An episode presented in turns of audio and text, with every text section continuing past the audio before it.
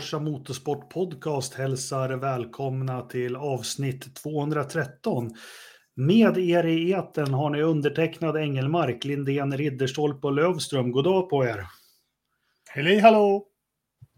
Ja, tjena tjena! Tjena hena! Ja, det här var Lövström eh, från höger sida, om vi ska presentera oss på riktigt. Ja, de känner oss.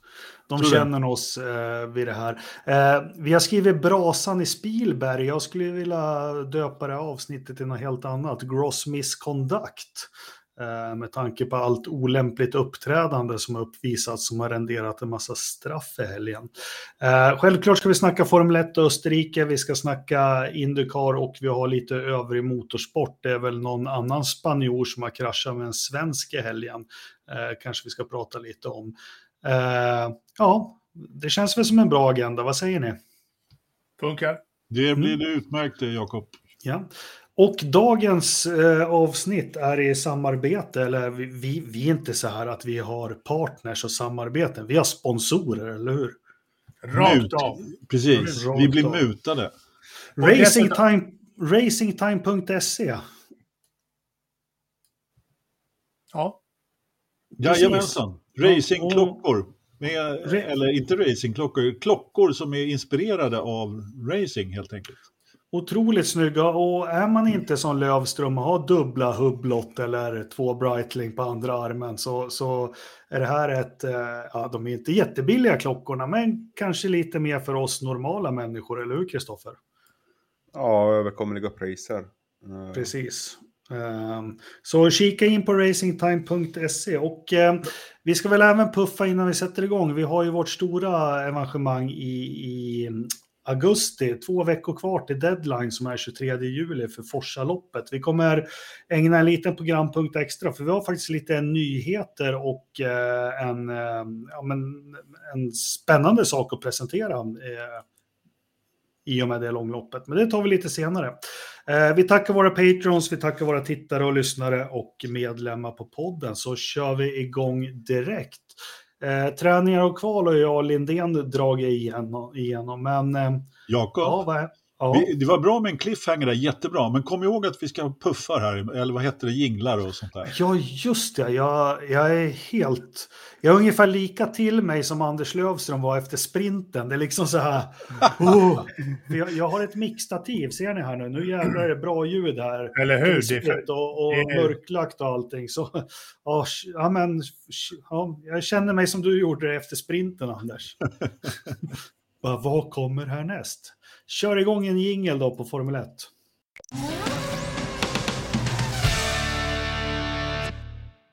Elgitarrssolot förkunnar jag att vi ska prata Formel 1 från Österrike. Och eh, hur ska vi bryta ner det här loppet? Någon skrev ju så, så fyndigt att Leclerc vinner och Sainz brinner. Vad, vad ska vi ta för ingång på söndagen?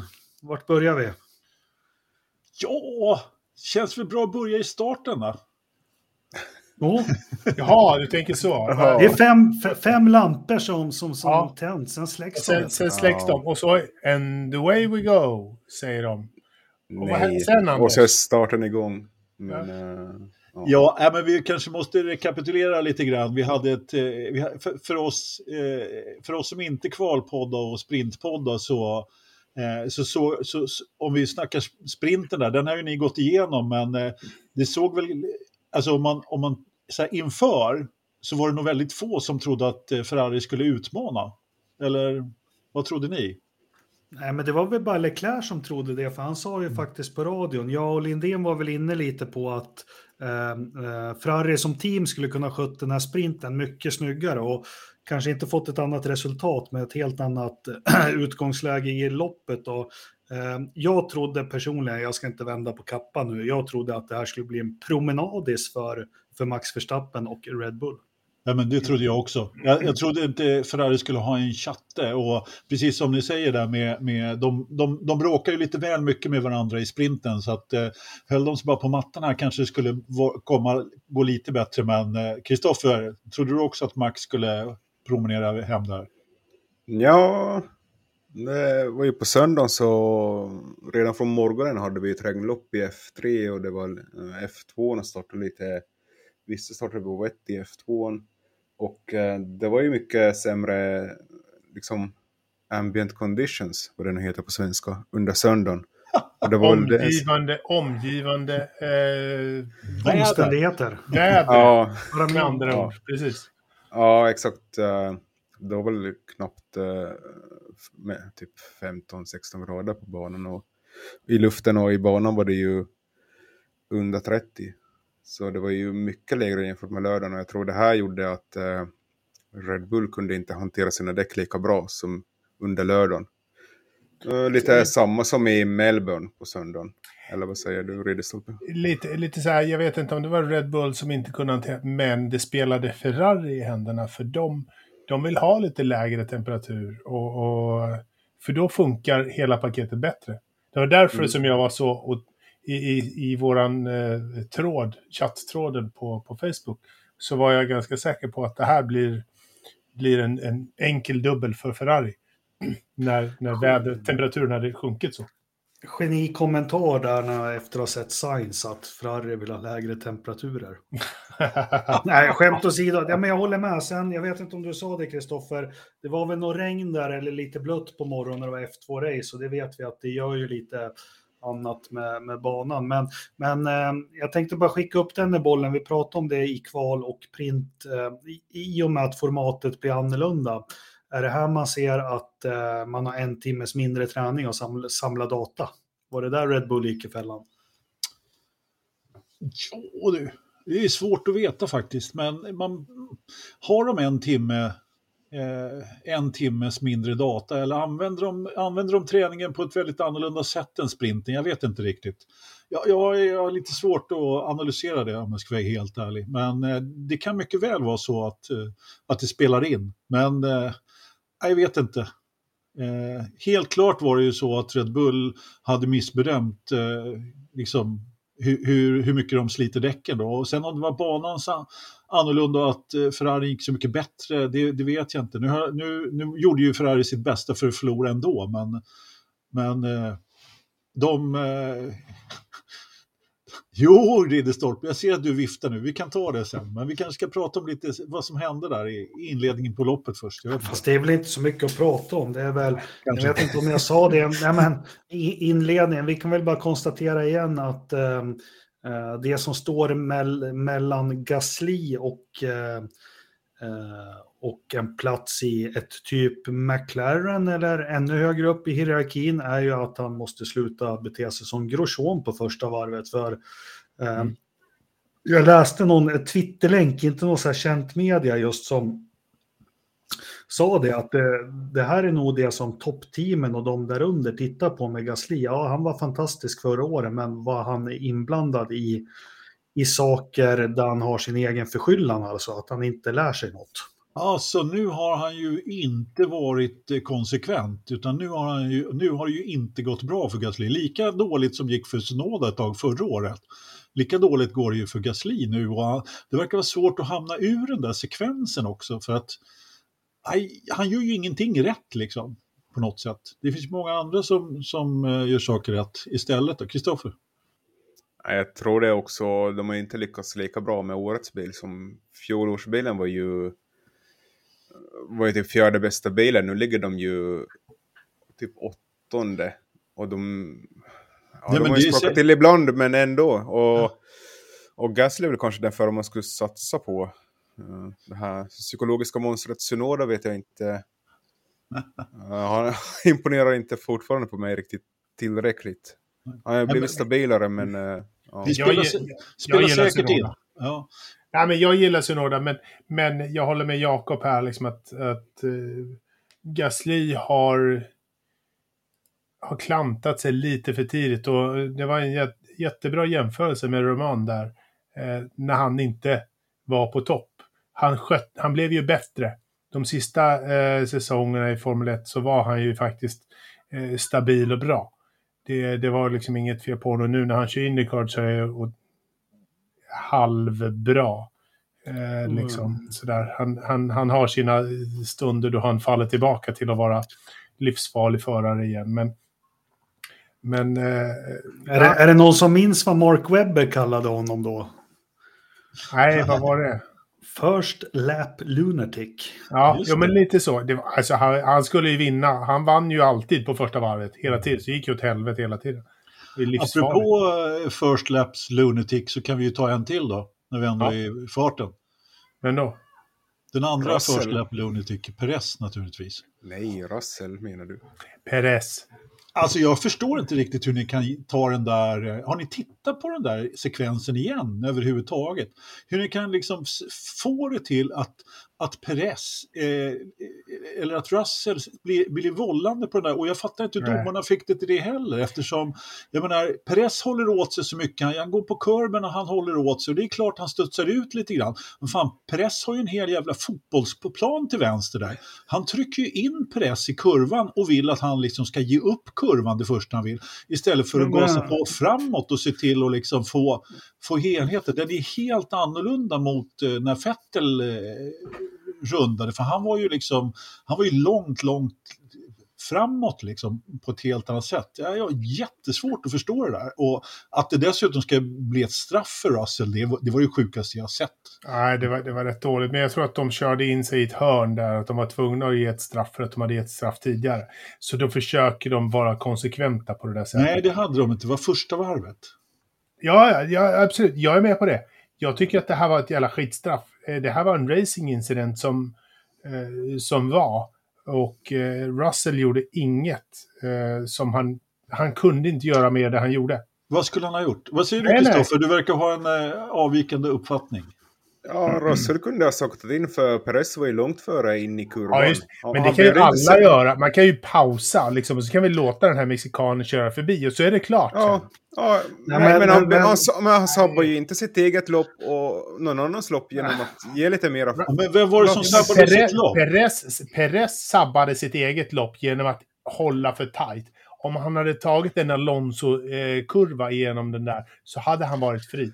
Det, Det där är ju skillnaden på att kunna köra bredvid någon och inte kunna köra bredvid någon. Det där är ju också jävla Max! Verstappen-takter liksom. Eh, Jag menar, istället för att liksom tänka på sin egen kurva och sin, sin fart rakt fram så ska man, så ska man liksom luta på att den andra saktar ner. Jag menar, det finns ingen racerförare som saktar ner Ja, men vi, vi har ju ett reglemente nu och det här har vi pratat om i flera år som gör att för mig är det här en racing incident. Alltså Ja, det är det. ingenting annat. Det är två som försöker. Ingen av de här två vill hamna i grusfållan, få en punktering eller bli av med en framvinge. Och att den här hysterin, att, men den är ju hela världen, att det ska alltid vara någons fel och någon gör fel. Men du har ju de här när vi är vana vid att insidan är kung, vi har ju vuxit upp med att insidan är den som har, har kurvan, så är det helt plötsligt att den som är längst fram vid en viss punkt som är. Och det här gör ju för en sån som Russell i det här läget, inget försvar, ska han försvinna rakt upp i luften? Vart Precis. ska han ta vägen? Eh, vi ser ju sådana olyckor där den på innen verkligen håller åt sig så mycket det bara går. Eh, och får bestraffning. Och, eh, så jag tycker, det, alltså reglementet, och nu, nu börjar vi bittert och, och tjurigt och allting, men man får ingen ordning på det här. Det, är, det känns som det är nya direktiv och det som är så underbart är att Fernando skiter i allt 41 år Alonso, han ifrågasätter ju det här hela tiden. Vilket behövs. Punkt. Ja, men vi hade ju liksom en Vettel som stormar ut från ett förarmöte. Liksom. Jag menar, om man har lyckats reta upp Sebastian Vettel till den milda grad så att han liksom bara går ifrån mötet när man pratar om eh, liksom förarstandarden, då är det ju någonting som är fel. Ja. Jag, menar, jag har aldrig varit jättekritisk till de här nya domarna. Jag har tyckt att de liksom ska få lite tid på sig, att reglement, eller att det behöver sätta sig eh, och ditten och datten. Men det här var faktiskt en fars i, söndags. Ja, det var Visst. Ja, eh, och det var det som Vettel och Alonso, det var de två som hade en diskussion om just föreståndare och deras irritation var just det här att eh, när de ska byta var, en, var och varannan helg, det här, de som sitter och har ett möte med, det blir ju inte liksom konsekvent när du måste börja om det här samma tugget var, varje gång det kommer en ny racinghelg och ingen vet vad som gäller. Det, det var väl främst det som Vettel hade hakat upp sig på. Nej, men accept, acceptera att Nej, jag ska inte göra någon hockeyliknelse, men som i fotboll, ibland springer två ihop. Det behöver inte bli frispark. Man krockar. Ja. Man, det, liksom, det bara blir så. Och, och jag blir så urbota. Och vi tar det, nu har vi börjat prata om loppen, men lika det här track limits. Ja, jag förstår att funktionärerna var tvungna att göra som de gjorde, för liksom, man respekterar inte det här och Formel 1 över det här. Men vad, alltså man skapar sig en massa problem som jag tycker inte borde finnas där. Och jag hade massa lösningar på det medan jag klippte gräset lite tidigare. Men vi skickar in Lindén. Ja, jag hörde just det här om track limits också. Förklaringen till varför de var så hårda i helgen, det är ju för att eh, innan så det inför varje race så hade det kunnat liksom variera från vissa banor så har man track limits och andra inte. Men eh, just inför den här säsongen då så beslöt man okej, okay, vita linjen är track limits på varenda bana under hela loppet.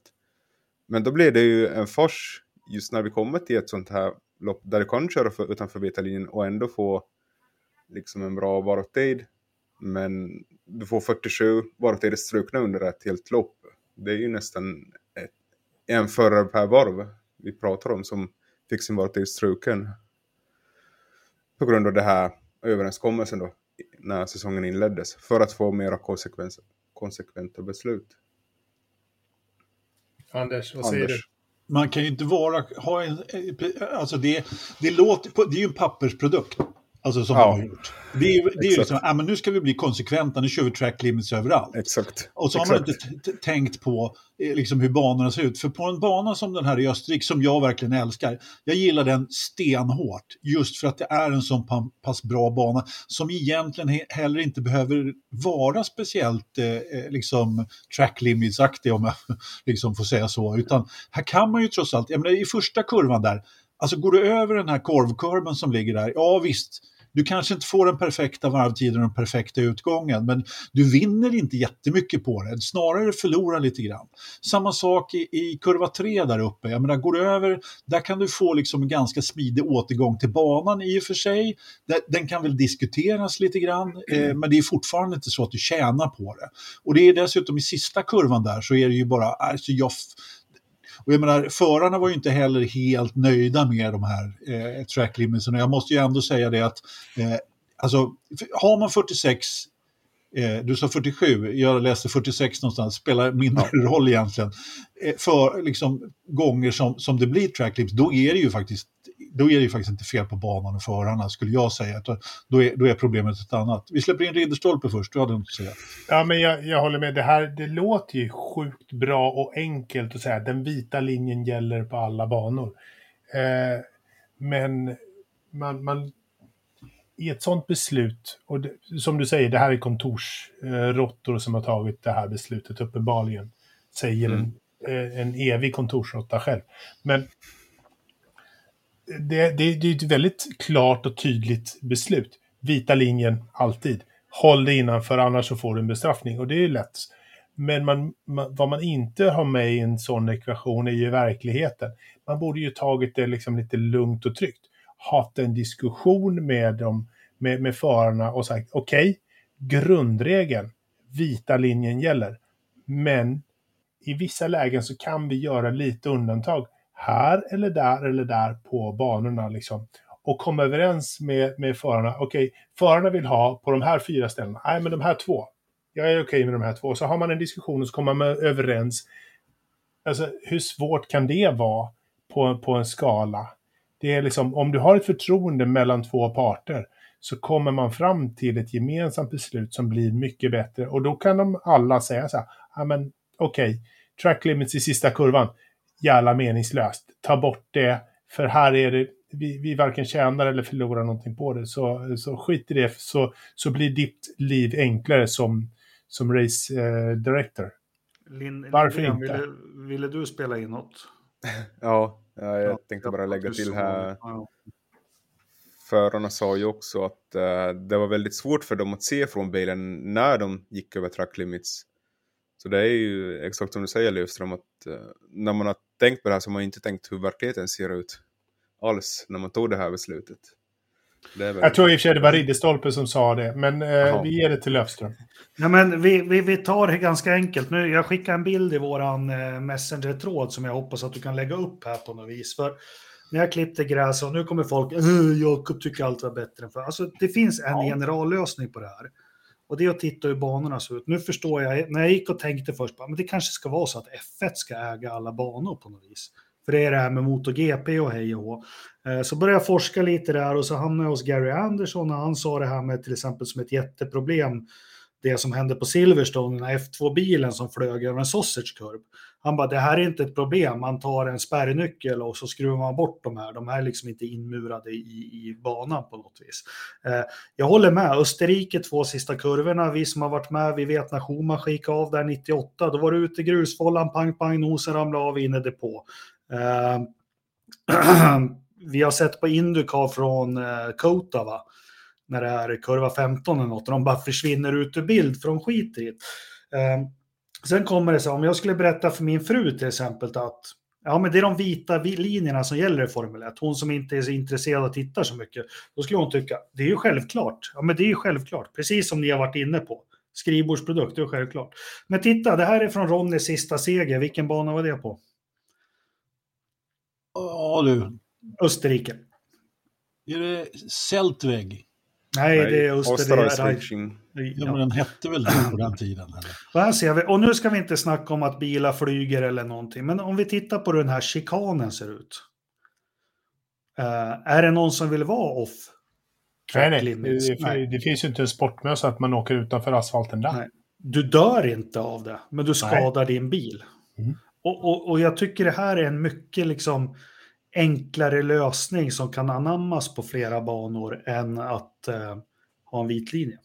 Ja, vi ska väl kanske inte lösa track limits idag, men eh, jag förstår, jag förstår precis, eh, Jakob. Jag skulle också vilja att banorna såg ut sådär.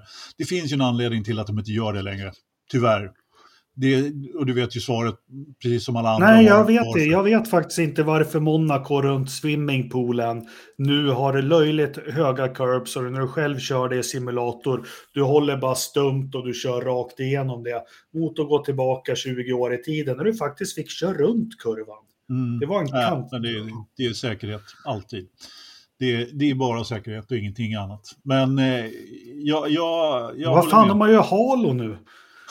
Ja, men, ja, men, jag, nej, men jag, Ja. vi ska inte lösa det, men Nej. jag, är min, jag fattar att det är säkerhet att en curb, jag vill inte ha bilar flyga som är parabolika, den här F3-bilen. Eh, men, men Ja. Vi har faktiskt Nej. ett ännu eh, nyare exempel på det. Och det var ju faktiskt på väcktävlingen, eller på nu i helgen på, på Monza, så var det ju en, en bil som kom i, först, inte första chikanen, andra chikanen, vad heter den, Rog, Rodja. Som han, en Aston Martin där i GT-klassen, jag hade tänkt ta det på övrig motorsport, men vi kan ju ta det på en gång. Och han voltade ju över den här eh, korvkurven. Eh, nu kom ju den killen snett, eh, liksom i sin Aston Martin GT där, eh, sladdande över. Och han, han kom ju inte med, med fronten rakt fram, så att säga. Och, men det är ju också det som är problemet.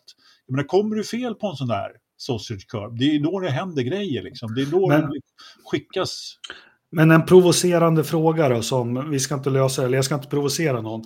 Så mycket har jag följt, och jag kan nog rabbla alla dödsfall i Formel 1 från 60-talet. Och vad jag vet så är det ingen som körde ihjäl sig mot en curb. Jag tänker inte svara på, på, Mm. på det eftersom jag inte vet svaret, men jag vet att man har tagit bort dem, man har byggt banorna på ett annorlunda sätt på grund Mm. av säkerheten. Ja. Så är det.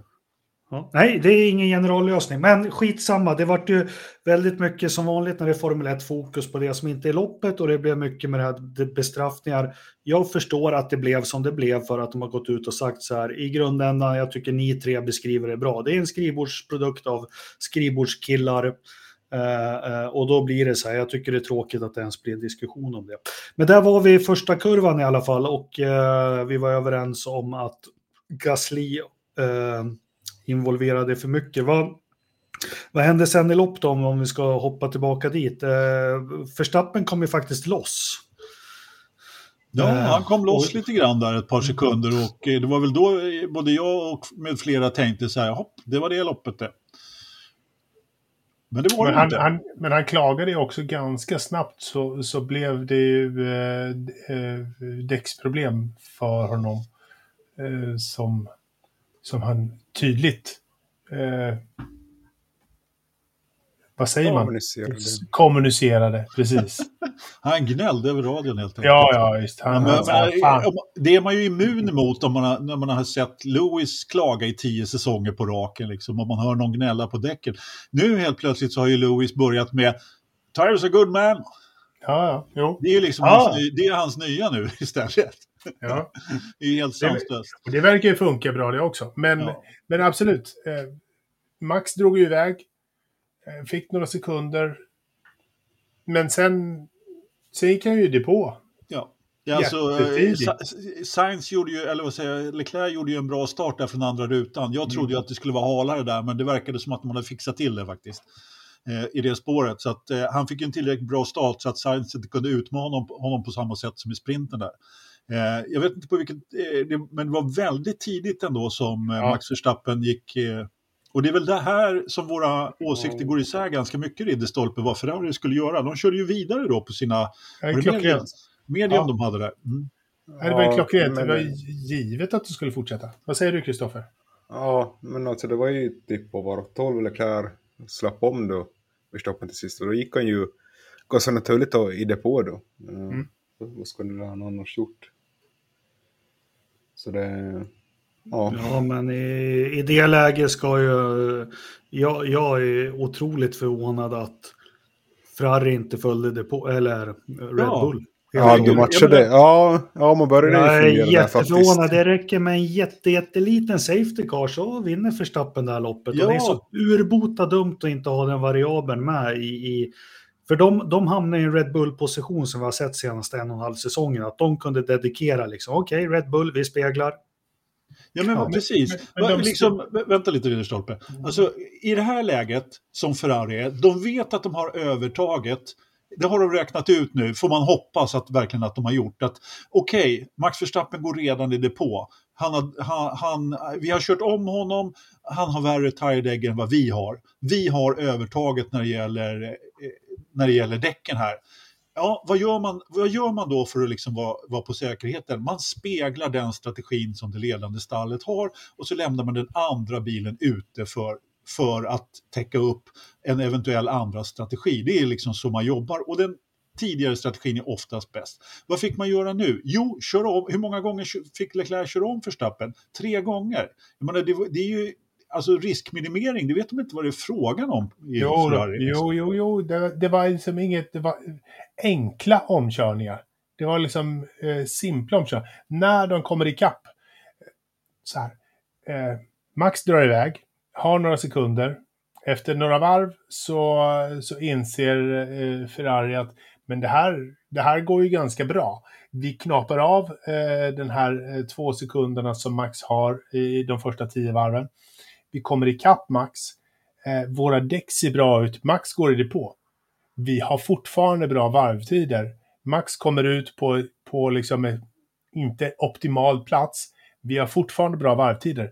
Det är väl ganska givet att de fortsätter så länge de har bra varvtider. Se till att de får luckor och kan placera ut eh, Leclerc och Sainz på en bra position eh, på banan när det väl är. Efter Nej. det, efter det så är liksom loppet hemma. Det är Det hade varit hemma betydligt innan. Det finns inga lätta omkörningar, eh, Jo. Ridderstolpe. Jo, det var ju Det- det hela tiden. Det var liksom, Ja, men det finns var inga lätta omkörningar, speciellt inte när man ska ha med Max Verstappen att göra. Det måste man alltid det var, ju, det, var därför, det var ju därför de fortsatte 10 varv och fick 12 varv nyare däck.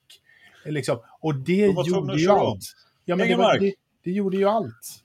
Ja. Ja, men, eh, Men- vi slänger in den här att Latifi snurrar in i ett räcke och bilen blir stående på banan och det händer ut med safety car. Då, är, då har de rökt sig något så förbaskat istället för att Då har de ju korta depåstopp istället. Då kan de ju double-stacka och fortfarande ha åtta varv nyare däck än Max Verstappen. Vad har man förlorat Ja. på det? Då, ja. du förlorar ju väldigt Ja, men de hade ju kunnat lite. hamna i samma läge som förut, att de inte hann, hann ta in dem i depå, fel ställe på banan. Ja, men du öppnar ju upp för en massa, massa osäkra scenarion. Jag menar, det är ju det här som är själva problemet. Alltså att Ferrari öppnar ju upp för en massa saker som kan hända. Nu gjorde det ju inte det. Men jag menar, de hade ju var, legat, alltså bara det här att de måste liksom sätta sig i en position där de behöver köra om Max Verstappen. Jag menar, bara det är liksom, det är Ja, men det hade jag- fel. Det hade jag tagit. Det beslutet hade jag kunnat, det supporterar Ja, jag fullt men- ut. För att, för att liksom, du, du kan räkna på det och du kan räkna på Tyredeg och säga liksom att Max kommer att vara en sekund långsammare per varv. Då är det värt för oss att, och då, då kommer vi att köra om honom lätt. Men inte om det kommer en safety car. Och, och, det, ja, nu, har vi, nu behöver vi inte Ja, vända nej, det där flera nej. gånger. Kristoffer? Ja, men jag måste väl hålla med Ridderstolpe där till 75 procent i alla fall. Jag tycker det var kul att se. Fan vad fegt. Fan Ja, var jävla, jävla mjäkigt liksom. Fan, är, det, är, det, är det från Sverige, Finland eller Åland? Nej, men ändå Ferrari... Jag vet det kan komma en safety men ändå kändes det som att de hade för en gångs skull koll på läget. Man blir lite förvånad att man kan säga det, men eh, det kändes som att vad en Red Bull skulle ha gjort så hade de ändå någonting att slå tillbaka med. Det, så har det inte varit hittills i år riktigt någon annan Så gång. kände inte jag. Jag kände vad som helst skulle hända förutom att de bara kör runt, runt. Så, så, så Okej. skulle Red Bull ha jättemycket att slå tillbaka med. Så Ja, jag, kändes det. jag, jag var hur lugn som helst. Det här var... När Max gick in och eh, Charles stannade ute så var jag hem. Då var det klart. Mm. Hade, jag, hade, jag varit, hade jag haft sinnesnärvaro så hade jag satt en hundring på, på Charles redan eh, innan, men det hade jag inte. Nej, men. Leclerc tar Förstappen och vi ser Förstappen bjuder inte alls så mycket motstånd som vi är vana att se. Det ett tag såg nästan ut som, det var en riktig sendit som sonen skulle säga han bjöd på. Eh, eh, eh, men Förstappen hade inte tempo och eh, Eh, ja, Leclerc får en liten lucka. Sen så har vi Sainz där som återigen ska han, ska han hamna så där långt efter i början. Det känns inte okej va? Nej, det gör ju inte det. Han, eh, jag vet inte, det är, väl, det är väl lätt att hacka på honom i och för sig, men eh, det känns inte som att han ska vara så där långt efter. Jag håller helt och hållet med. Och jag menar, han behövde ju också köra om dessutom. Mm. Vilket han var nära att göra sen om vi ska gå händelserna i Ja. förväg innan, eh, innan det, Tyskland trodde de hade blivit attackerade av främmande makt. Men det var ju det var bara Sainz som sköt en kolv från Österrike genom motorblocket hela vägen till Tyskland. Det var, en brasa piggar ju upp, men det där var ett haveri alla 80-talet, eller hur Lövström? Alltså, det var, det var, jag tittade ner i min telefon precis när han parkerade. Och så säger min fru någonting samtidigt som gick, gick förbi. Jag hade ändå fullt fokus. Och så när jag tittar upp igen så ser jag en bil i lågor. Så att, ja, det var Den verkligen... sprängdes ju. Ja, det var verkligen, jag var tvungen att titta på det efteråt sen liksom, för det var, det, det var, eh, naturligtvis så var ju SVT la ut och att det var fruktansvärda bilder och vad det var de rubriksatte det där med, men eh, ja, man, man, man blir ju inte jättenervös när sånt där händer nu för tiden, men nu tog det ju faktiskt en stund för funktionärerna att komma fram eh, och bilen började liksom rulla bakåt och sådär, så, att det, det, det var ju faktiskt lite, lite jobbigt där, Kristoffer.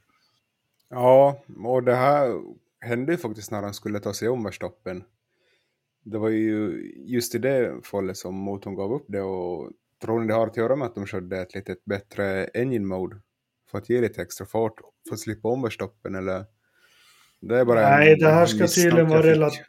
relaterat till eh, den ordinära spisen har Binotto gått ut och sagt och eh, Jaha. eh, troligen samma fel som Leclerc hade i, vart var det, eh, Bakuva. Ja. Mm, så det, det är i, jag hatar det här, men det är i IC1, alltså Eternal Combustion Engine som det är. Det Alltså, var, det var inget elfel alltså. nej, Nej. ett gammalt heligt liksom Ferrari-haveri på något Ja. vis. Men Och, eh, och helt man såg ju på reprisen sen hela sidepodden liksom. Eh, ja. grillade. Men jag tyckte hela helgen var det ju lite, det var ju i sprinten så var det så som stannade på formationsvarvet. Och Alonso fick inte igång sin bil. Det var ju liksom hela helgen lite så här som det brukar vara för 20 år sedan. Det var alltid någon som inte kom av linjen och Så Ja. Någon som brann till. Vi Precis, inte- sprinten där när Alonso stod kvar med eh, däcksvärmarna på, då, då började jag tänka på Baricello som vanligt, liksom, när han sitter upp hissad på, på griden utan däck där. Liksom. Men det visar sig ju vara ett elfel där. Alltså. Men är det, är det ju- den tunna luften, kan den spela in? För sen var det ju. Ocon också som hade problem med bränsleslangen i sprinten. Just det. Ja. Alltså det är 700 meter över havet eller något. Nej, det är det. Det är inte ens det va? Så att, Ja, okej. alltså det är ju inte... 702 för dig. Ja, det var helt Men sant. det, men det var ju här också som Mercedes för några år sedan, båda bilarna brann upp.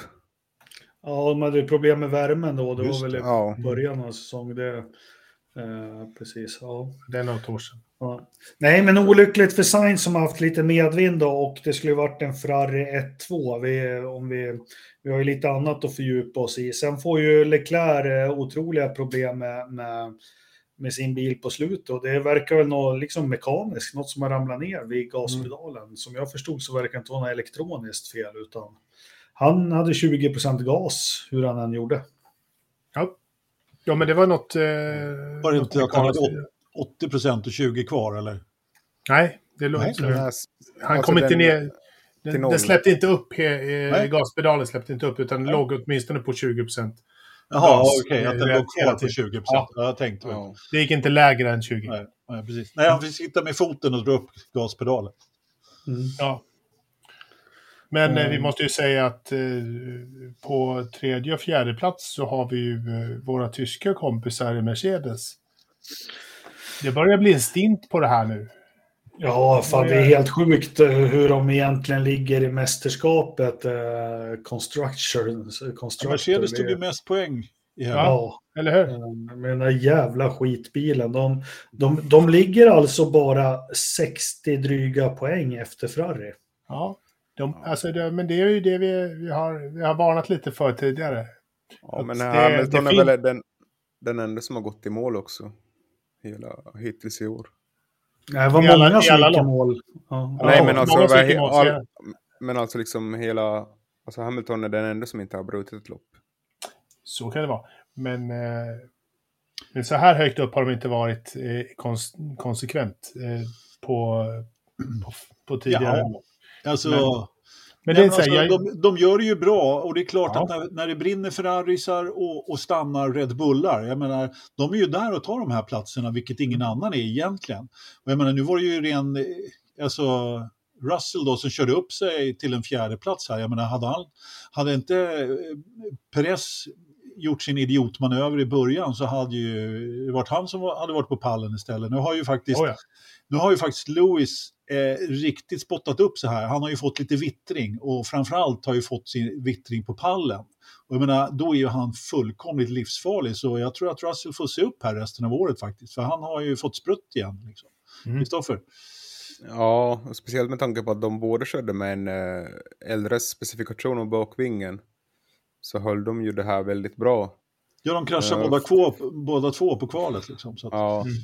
Men uh, Alpin är ju kanske främsta utmanaren till den här platsen, men de är ju...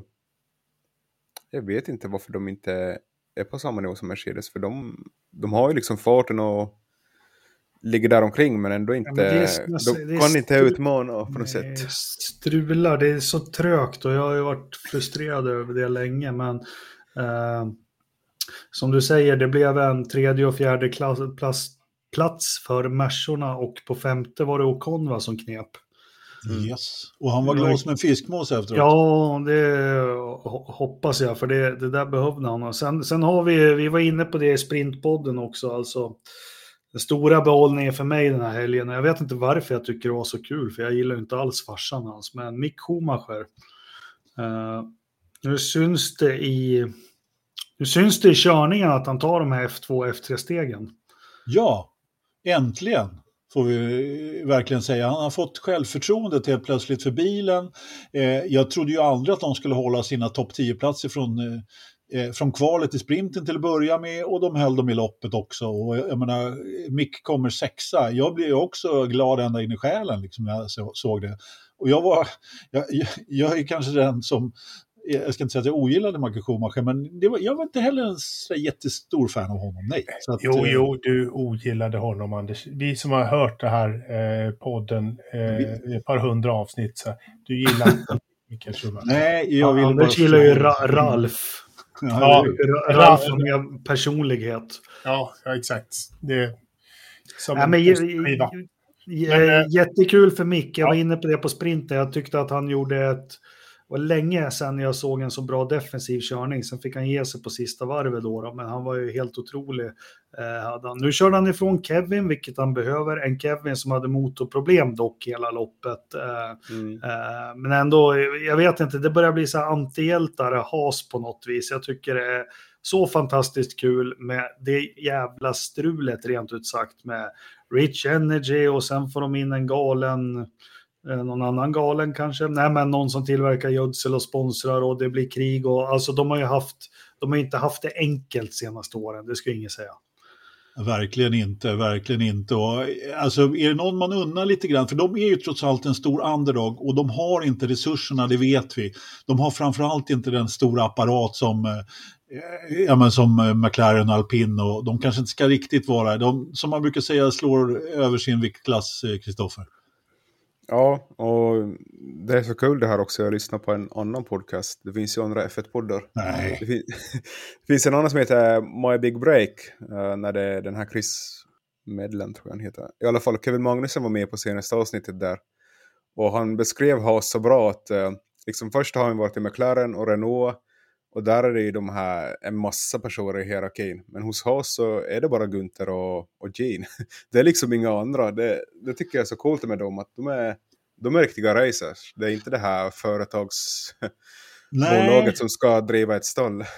Alltså det, det, det är rätt kul att du säger det, därför att det har, jag har funderat på det lite grann tidigare, men jag har inte haft riktigt något belägg för just att, ja men titta på, på de här andra, framförallt kanske Aston Martin och Alpin och de här, att det är så många Mm. nivåer liksom. Menar, här är Ja. Günther som beställer och alla ska ha titlar och liksom ditten och datten. Och, jag menar, det kan ju vara på ett bra sätt om det är någon som bestämmer över alltihopa. Det måste inte alltid vara bra, men är, har man en bra liksom, struktur i stallet överhuvudtaget? Jag, menar, jag, tror att, eh, jag Mm. tror mycket på det faktiskt. Så att det, det, det ger, ger, helt klart det. Sen har de ju inte riktigt haft materialet, men nu när de har det så, så verkar ju faktiskt, ja, jag hoppas verkligen att de fortsätter och tar steg framåt. Det är svårt att ogilla dem. Det är det. Ja. Vi har ju en McLaren som piper in emellan där med Lando Norris som hade lite yxigt lopp och eh, Ricciardo får poäng. Och det gör ju en slutställning Alpin och eh, McLaren. Där har vi nog en rysare om fjärdeplatsen i konstruktion, konstruktörs Om, om inte McLaren spottar upp sig, alltså nu har det ju inte gått bra för dem på Mm. slutet. Och jag menar, Lando hade det jobbigt eh, här och det här är hans absoluta favoritbana Mm. dessutom. Eh, de har inte, vad var han sa för någonting? Nej, men de, de har helt enkelt inte, liksom, de har tappat bilen. har Ja, liksom, men vi har nämnt det, men du har ju Ja. lyssnat på poddarna i helgen antagligen. Men Ja, ja. jag är ganska säker på att de vet inte varför bilen är bra när den är bra och vice versa. De har ingen aning alls. Ja. Och så har vi våran GOAT på tionde plats. Valtteri Fernando. Alonso kör hem en pinne från att starta sist. Och jag vet inte, det var ju ett gäng här och kolla och liksom, jag, jag tycker det är så, eh, en del tycker det säkert att det är hånfullt, men på Sunoda där, halva bilen på gräset, åker upp jämsides så bara ja, ja, ja, ja, ja, ja. No, no, no, no, no. Eh, ja. Fan, det gjorde ju du på mig idag tre gånger. Precis, vi kommer till det. Men eh, det piggade upp. Jag, det vart ett stort skratt. Det är inte ofta man skrattar när man kollar på Formel 1, men jag tyckte det... Ja. Jag kör om dig med en hand, jag har ena hjulparet på gräs och så bara no, no, no. Ja. Varför? Det var bara jag som gick igång på det. Nästa punkt. Ja, och så körde han ju om eh, den andra hjälten Bottas som startade Ja, han var ju stentuff som vanligt och, och, och vek ner sig på sista varvet där. Sam Bottas-anda. Jag följde det på tajmingen. Jag såg att Alonso var... Först var han fyra sekunder och sen var det 1,2 inför sista varvet. Men då visste man ju, ja men det är Bottas. Va? Det här blir... After you sir, sa han. Ja. Det är som en Boston-möte. Ja, eller hur? Ja. Ska jag smiska lite när du går förbi? Jaha, Ja. det var inte det jag tänkte på, men okej. Nej, nej. Vad tänkte du på då? Hur har du, vad har du för bastumöten? Alla viktiga beslut tas ju en bastu i Finland. Ja. Fan, det gjorde de i Sverige också på 80-talet, men ja, ja, det är en annan sak. Eh, det var inte jag som förde in det den här gången på den diskussionen. Alex Albon har jobbiga helger med domarna här nu, eh, med på honom, eh, vad han än gör. Vi har Lance Stroll, en stackars människa som jag inte ens orkar prata med om. Och så har vi namnet jag inte kan uttala och vi har lite Gasly Sunoda. Och Vettel hade också tufft med en avåkning då. Eh, tre bilar bryter, en Ferrari, en Williams och en Red Bull. Och så var sagan Österrikes Grand Prix slut eh, resultatmässigt. Är det något mer vi behöver prata om där? Ja. Vad hände Varför på förarmötet? Varför avbröt Latifi? Alltså, vet vi varför han var där till att börja med? El, elfel. Nej, Jag tänkte vi skulle börja från början. Liksom. Varför var... Nej, ja. Du vet, av orsaker. Ja, Nej, men- men de, de, hade, de hade lite på, på drivers briefing var det väl lite strul och sen efteråt innan cool down room eller före efter cool down room och prisceremonin så var det ju så råkade ju eh, både alla tre, topp tre, träffa sina fysios. Eh, Ja. Det var ju fy på sig, det får man ju inte göra. Man får inte prata med någon annan människa heller. Det är ju Katastrofalt. Men om, Leclerc, men om eh, Binotto kommer och pekar finger för att... Ja, eller hur? de- Det men det är okej. Cheer up Leclerc, det är liksom okej. That's fine, that's Jo, fine, men men, men inte din fysio. Hade vi inte det i poddens begynnelse, Anders? Mattias Ekström vann väl något lopp i DTM och eh, Mm. Träffade, det var ju inte sin fysio, det var ju sin Farsan. farsa som hällde en liter vatten i byxfickan på honom. Ja, det finns ju på tv. Ja, eh, Ja, riktigt eh, nej, men jag tycker det, det- vi kommer till det här track limits. Sen kan man tycka vad man vill om regeln, men jag tror att det känns som Formel 1 vill sätta ner foten ganska rejält. För, för det är väl sagt, du ska gå och väga dig innan du gör något annat. Det var ju inte många år sedan, du vet förut, då var det ju hoppa upp till teamet och allting. Det har de ju börjat gjort igen. Jag tror nu, nu vill de ha det här strikt liksom. Du går ur bilen och väger dig. Sen Ja, kan men- du göra fistbump och allt. Ja, men Jag det här känns, känns som, eh, eh, som juvelgrejerna återigen. Liksom. De har påmint från första loppet att det här kommer vi att bötfälla er för om ni inte, liksom, om ni inte, om ni inte fixar det. Jag, jag vill inte ens prata om det, jag tycker det är så fånigt. Ja, men jag fattar inte varför de inte går och väger sig. Eh, eh, liksom, som, Ja. Ja, som men här de nere, här, de brukar ha vågen precis bredvid där, där Ja, bilarna parkerar, men, men nu Ja. hade de den uppe i rummet istället, så det var, Ja, det men- var väl därför. Liksom. Nej, men de har ju flyttat den upp, upp till rummet liksom. Men de har ju alltid haft den. Man har ju... Näthinnan är ju fylld av, av eh, Max Verstappen och Ocon som slåss på, på, på vågen Just där. det, just det. Jo, men den brukar alltid stå i FIA-garaget. Ja. Nu, nu hade de flyttat den, jag vet, jag vet inte varför. Jättekorkat att flytta den.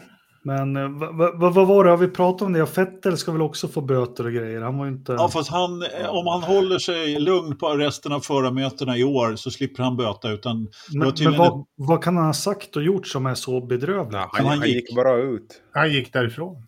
Han tyckte Lite- det var en jävla skitmöte Ja. så han drog. Lite, lite som när du lämnar podden mitt i inspelning. Ja, jo. Det är så, fast du får, di- dina böter är också pending. Men de här, har 10 man- 000, de här 10 000 som topp tre är ju också pending.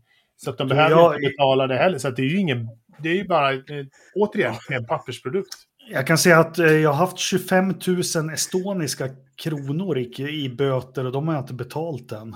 Bra jobbat. Var det när du var coach att- i, i eh, Ja. ishockey? Vad gjorde Jag du sa då? this Mickey Mouse referee sa jag. Och då gjorde jag stor skada för den otroligt stora sporten hockey i Estland. Det, det är därför du bor i Sverige nu för tiden. Ja, jag bara drog direkt. Jag fick reda på det ett halvår efteråt till och med. Så, så. Nej, men strunt i samma. Det är, alltså, jag vet inte, han kan ju ha gjort något jättedumt där inne, men vad fan. Det, det är väl bra att det händer lite grejer. Nej, det han var bara upprörd på... Ja. På, Han var liksom på, less på på ja, Vem, vem är han mest less på, tro? Nils Wittic. Fia. Vem, ingen gillar ju honom. Nej, men sen blir det lite, var det inte som Alonso sa, halvt, alltså det var, lät ju som skämt, men det var ju okej, jag fick fem sekunder för att jag vinglade en gång, han vinglade tre gånger, då ska väl han ha 15 sekunder. Alltså, Ja. jag tror man söker mycket också, någon slags, de ska vara konsekventa. Ja, Ja, och men det är också... La, Landon Norris har också eh, uttryckt det här att det, eh, det, det konsekventa finns inte nu när de kör med olika referees hela tiden. Liksom det, man vill ha, man vill tillbaka till Mikael Masi. Man vill ha en snubbe. Nej, men jag skulle vilja säga så här, att det stora problemet här, och du är inne på det Jakob, eh, och, och, och ni andra också, att det är liksom, man vill inte ha avslutningen från förra året upprepad. Och därför så drar man upp de här linjerna, vare sig track limits, ditten, juveler i näsan eller vad det är för någonting. Regler är till för att följas och de ska ni följa, annars så kommer vi att sätta ner foten. Och det här slår fel när man gör det så kategoriskt som man gör det. Det är, det är vad jag tror. Ja. Fan vad gammal du låter när du säger juveler i näsan. Ja. piercing, Anders, piercing. Ja. Han, han, vet inte hur man stavar piercing. Ja. Men liksom lösningen, på- lösningen på det här är ju bara att ta tillbaka Michael Massey för han var kompisar med alla förare. Och det var inga sådana här problem som vi har i år. Jo, hans relation med Lewis och Toto är nog jättebra. Eller hur? Mycket, mycket Ja, fint. nej, men skit i samma. Det är alltså världens, världens bästa, största skott, eller sport med... ja, Jag kan inte tänka mig en sport med samma utveckling dag från dag och liksom ingenjörer och, och genier. De måste kunna komma till rätta med, med, med liksom sånt här. Men, det- men det här är ju egentligen eh, vad vi ser nu. Med juveler i näsan, brännbara kalsonger och track limits och vad det nu kan vara. Det här är bara konsekvenser. Konsekvenser av att vi har ett regelverk som har bara svält de senaste 20 åren. Med regel på regel på regel som har blivit dummare och dummare och dummare. Så att vi har liksom... Eh, regelverket har ju blivit eh, makabert. Och det är ju det vi ser resultatet av nu. Det är ju menlösa regler egentligen. Helt Men sant. sådär, så att om vi, om vi bara kunde eh, se det så och försöka, som jag sa, ha någon form av diskussion och överenskommelse med de faktiska utövarna av sporten tillsammans med de som ska döma sporten, så har vi ett mycket enklare regelverk att förhålla oss till. Som Mm. alla förstår och som alla kan hålla sig inom. På ett enklare Sen sätt. tycker jag, och, och står det i det regelverket att du får inte ha smycken, då är det så. Nej, men då är det så. Liksom. Ja, då är det precis. Men det är det du säger. Problemet är att det sväller och där kommer det också till tekniska reglerna. Jag vet ju en sån som Gordon Murray, nu ska man inte säga han, men han liksom, när jag började i Formel 1, då var regelboken 13, 13 blad. Ja. Eh, nu tar det ett helt ingenjörsteam två veckor och bara läsa igenom reglerna. Det är liksom, ja, skitsamma. Du har helt rätt. Men du, Kristoffer, du brinner ju något otroligt för det här att det har varit ett eh, kommissionsmöte inom Formel 1 och eh, de har presenterat fyra punkter. Så Men ska vi inte säga vad Nej, det ska vi det och inte. ge li- lite vitsord också? Men till förare.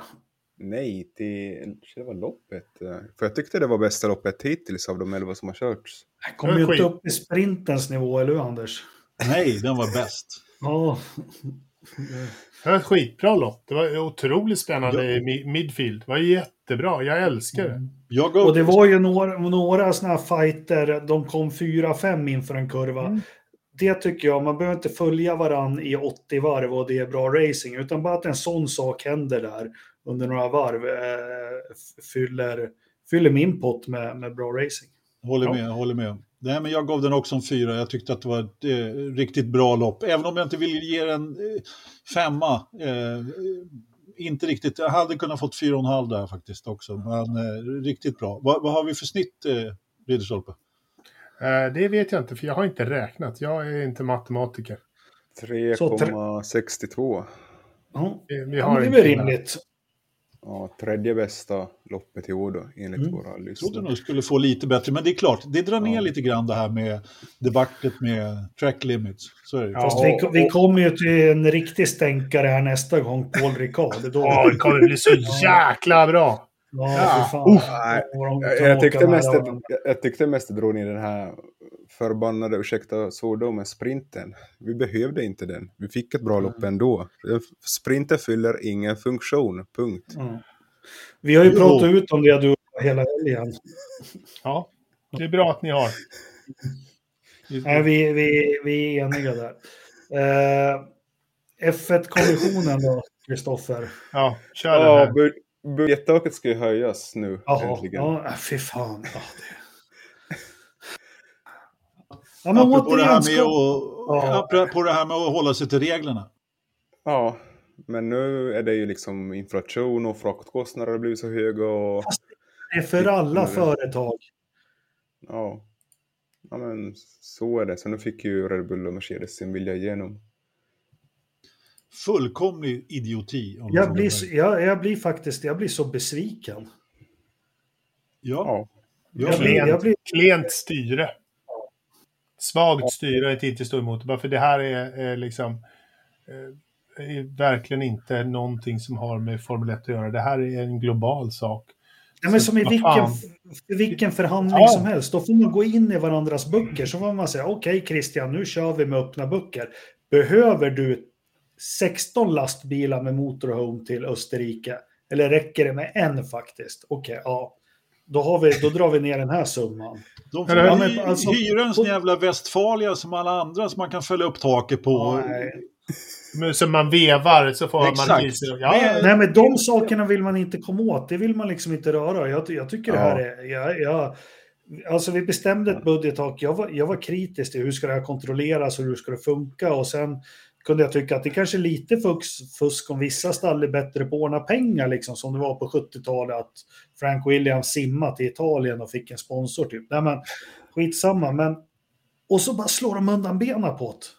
För att det är inflation. Alltså, det är inflation för Kristoffer, för Engelmark, för Ridderstolpe och för Anders. Det är inflation för era arbetsgivare också. Det är fan inflation för alla. ja. Ja. Mm. Men då ska vi spendera mer med det här Commission Zero också, utsläpp och precis allting. Då ska vi, då ska vi spendera mera. Och det är så Formel 1 i ett nötskal. Jag blir... Äh. Vad säger du Anders? Du som har koll på Nej, cash. jag, jag, jag, jag håller med dig. Jag tycker, att det är, jag tycker att det är dåligt. Men jag tycker vi går vidare. Jag vill inte, jag vill inte bråka mer om det där. Kristoffer, hade du mer, mer från mötet? Ja, det var Dennis-paketet också. Ja. Nej, Vad var, det, vad var det de fick? De fick tre- 3,1 procent mer Ja. eller någonting sånt där. Motsvarande fyra mille. I Ja, men vems, ve- vems inflation räknar man på då? För inflationen är väl olika i Storbritannien, Italien och... och alla, alla avtal görs ju i dollar nu för tiden. Så det är väl dollarens inflation. Ja, men det är väl tur att Massepin inte är med för fan Ruben är svinstark mot dollarn. Nu. Ja, ungefär som luft. Men eh, okej. Vad var det med? De hade tre punkter till. Vad var det för? Ja, det här porpoising-sagan nu då. Som de skulle börja kolla. Jag minns inte vilket, var det Kanadas lopp de ville börja kolla det. Men nu har det skjutit fram det ända till Spa efter sommaruppehållet. Då först kommer de eh, börja kontrollera det här med något verktyg. Och det är ju främst, eh, det är ju Red Bull och Ferrari som ryktas ha fuskat lite med det här att de har en liten ända av plankan som sitter under bilen som kan flexa lite för mycket. Eh, det är väl det som har hjälpt dem att deras bil inte studsar lika mycket som de andras. Är det det man pratar om styva och mjuka golv? Är det just plankan då eller? Ja, jag såg någon Ja. teckning på det där. Eh, som jag tolkade så var det just plankan, att de hade delat den och att det var någon Ja. del, precis som Kristoffer sa, som, som var lös där. Är det den som, är det den som de pratar om med den försvinnande eh, biten? Så att den, Eh, plankregeln som kom till i mitten på 1994. Ja. Jag har aldrig förstått varför den har hängt kvar så här länge. Det är för mig helt obegripligt, men det är en annan sak. Lite märkligt faktiskt, jag håller med dig. Eh, Ja. förut, innan den här eran. Men jag tänkte vi kanske ska ta det. eh, eh, jag är ju lite intresserad av fysik och så och det här med downforce under bilen och har lite skolor med min son apropå Hamilton och Russells avåkningar. Det här vad som när man tappar downforce under bilen sådär och, och, och, och då förstår man att vissa kanske inte har någon fuffens för sig men har kommit lite längre än andra. Ja, men det känns ju så. Lite, lite beroende på. Alltså vad har de hittat? Hur nära gränsen är de?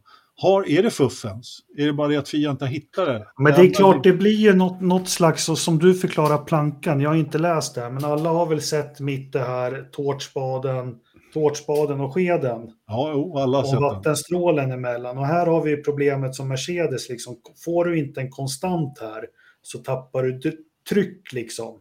Mm. Eh, och det är det som hände när Russell, Russell och Hamilton åkte av. Det kan vara ett gupp eller vad som helst. På slutet av 70-talet så inneslöt man ju sidepodsen på bilen liksom så att den inte blev påverkad, alltså kjolar. Och de förbjöds ju 1981 för det, det började gå för fort, bilarna blev för hårda, bilarna studsade på rakorna och så vidare. och så vidare. Liksom, vi har haft det här problemet för 40 år sedan, jag har pratat om det jättemycket. Men om det är så som du förklarar nu, att man kanske gör någonting med, med plankan eller någonting, då får du ju en mer du får ju en stabil aerodynamisk plattform under bilen på ett helt annat sätt. Och, och, och det är ju fusk för mig. I så Ja, frågan är ju om det är fusk när det gäller reglerna. Det, det, jag hade hoppats vi skulle få se det redan nu, men vi behöver, får alltså vänta till spa. Nej, men får du golvet att flexa, tårtspaden och skeden är Ah. golvet. Får du golvet att flexa, då får du ju aldrig det här stora skillnaden som gör att du bara blir av med all downforce. Är jag för struttig nu? Jag ger mig. nej, nej, men det är så här, så, så länge du har någon downforce, vilket är liksom eh, det de har. Eh, De, de, har inte, de får inte noll, vilket gör att de flyger. Ja, Ja, vi vi är får, nog klara med den punkten. vi får nog se i spår då vem som har fuskat och inte. Nej, men de kommer aldrig komma överens om de mätmetoder för det här. Det, är så, det, det, kommer inte, det kommer skjutas fram från spa också. Det är bara att inse. För vad det är de ska mäta, det är ju hur mycket förarna studsar för hälsans skull. Det är ju det Ja. de ska mäta. Ja, Skitsamma, punkt tre från den här eh, kommissionen. ja, ja. eh, man har uppdaterat reglerna gällande försäsongstesterna. Att de får ta plats utanför Europa Ja, eh, fyra dagar liksom i anknytning till första loppet då för mästerskapet. Och det här gör man ju för att man vill ha man kommer inte troligtvis ha Barcelona-testet då nästa år, utan det blir en, bara en test. Är- Man vill, man vill köra lite fler demokratiska och jämställda länder helt enkelt. Ja. Det är det det handlar om. Det, Ja. det handlar helt enkelt om att eh, det är alldeles för eh, dyrt att köra i Barcelona eftersom de inte betalar någonting. Som, Mm. som eh, den, den, den fina, det fina demokratiska landet. bara Så nästa, nu släpper de två Dubai. datum. Ett för Nordkorea och ett för Iran ska de testa i. Ja, precis. We race as one. Ja, och sista punkten då var ju det här som, ja, 2026 Power Uniten var, diskuterades och, eh, och det bekräftades att paketet eh, är väldigt klart att bli klart snart. Det är men, snart men klart. inte klart. Men inte klart. Exakt. Nej, exakt. Fast det, Ja. det är ju otroligt intressant. Jag lyssnade på Pat Simmons, gjorde ni också det?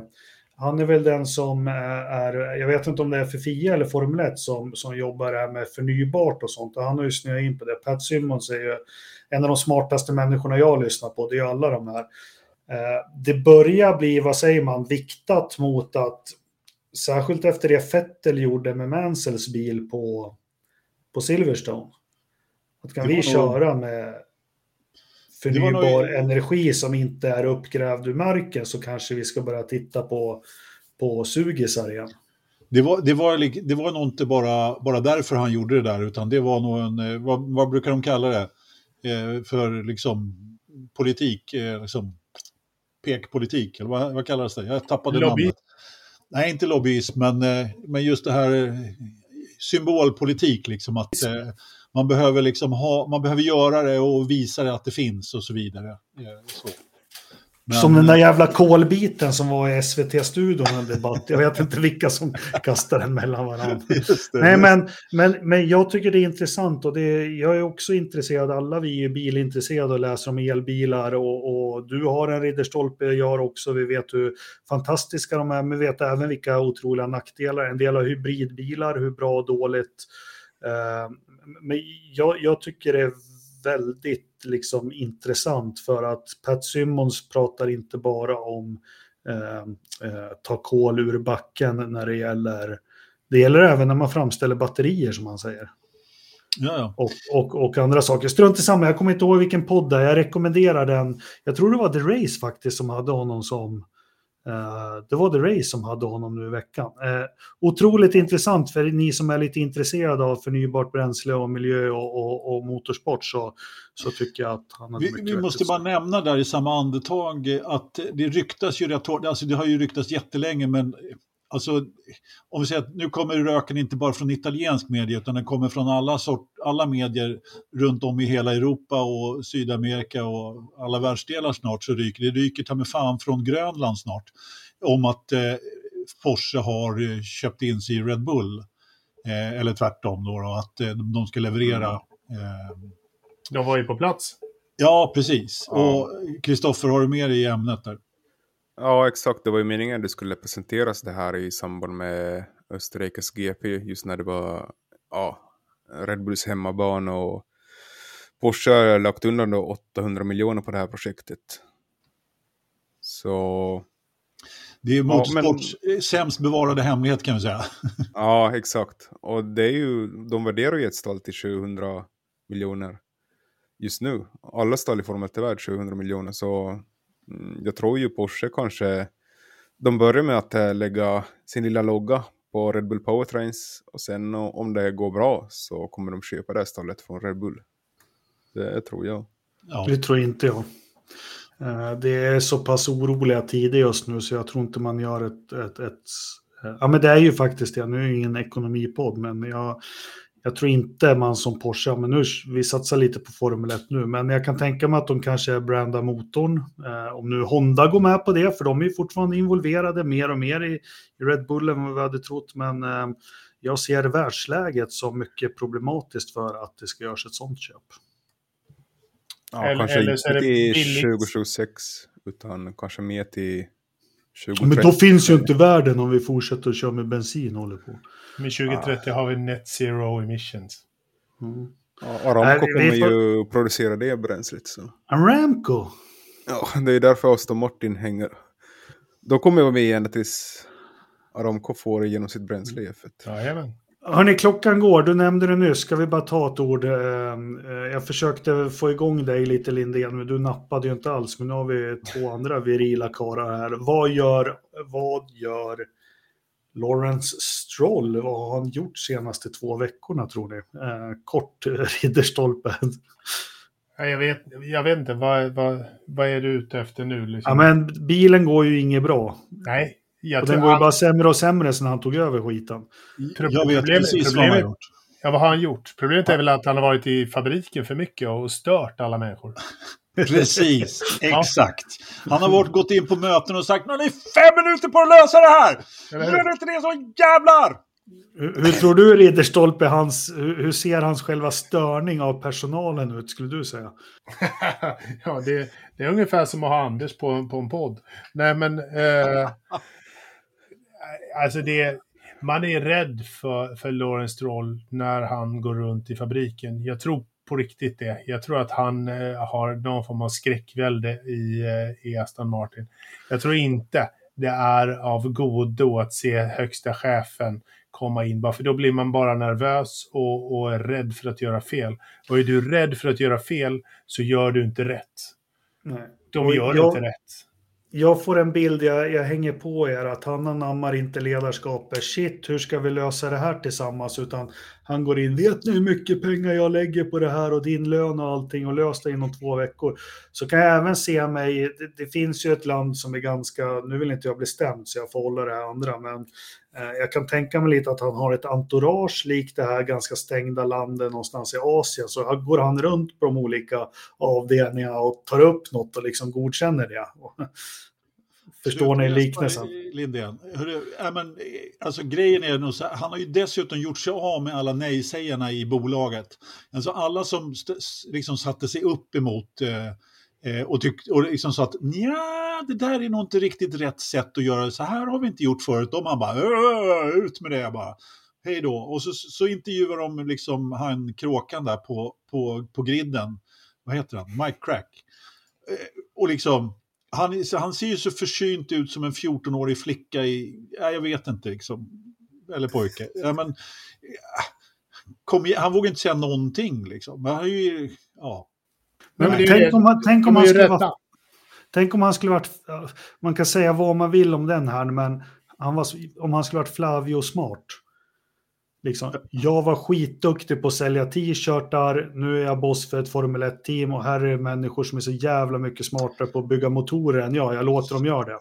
Det var ju precis det som, jag gillar inte Flavio och hans ledarstil, men det var ju precis det han gjorde. Han omgavs ju med några som han trodde väldigt mycket på. Och det är ju det stora problemet med Lawrence, att han inte gör, därför han har gjort sig av med dem som kunde som, som mest. Liksom, i, eller så har de flytt fältet. Det också. Ja. ja, men äh, det här kan man ju bara se på liksom Lance Stroll.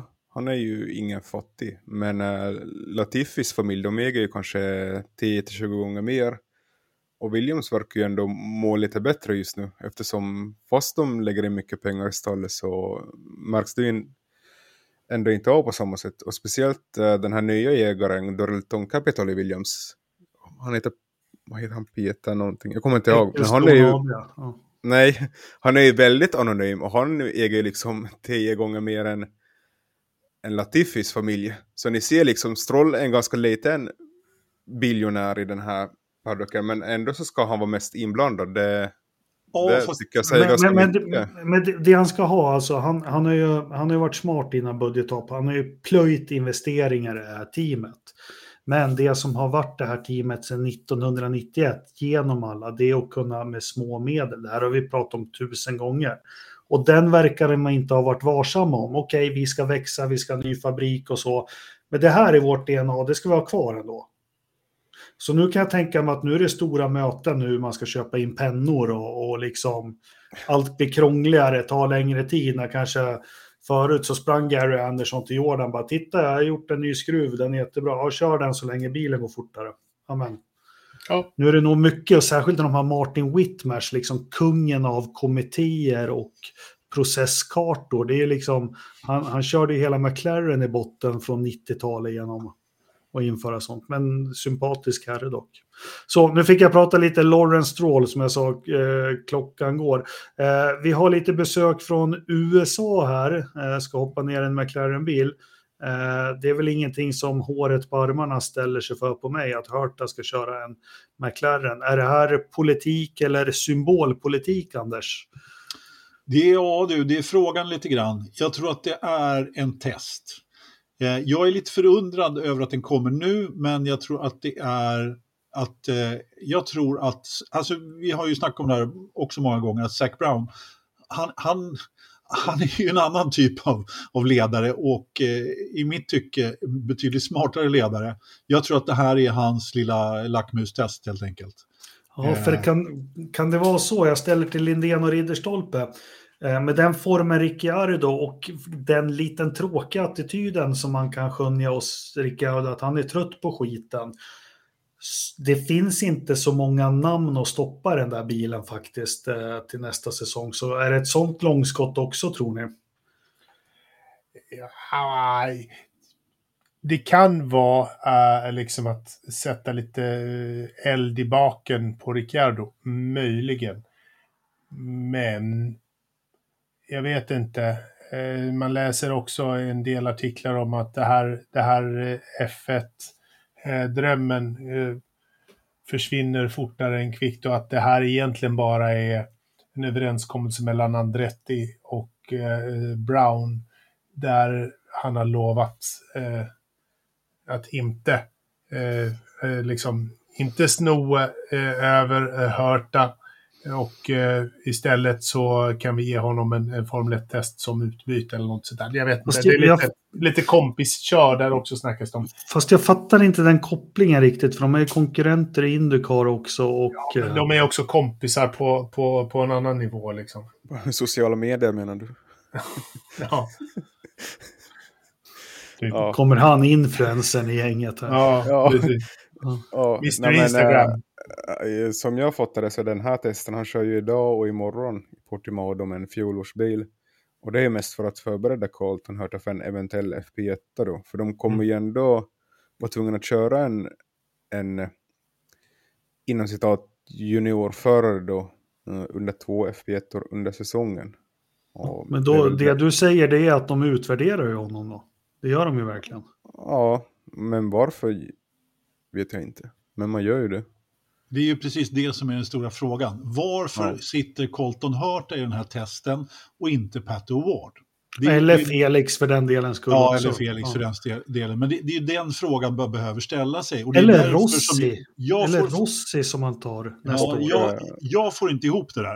Eh, Och uh, Colton Hurta han behöver bli fjärde i årets Indycar-mästerskap för att ens få till med poäng till superlicensen. Plus att han behöver köra de här två FP1-orna.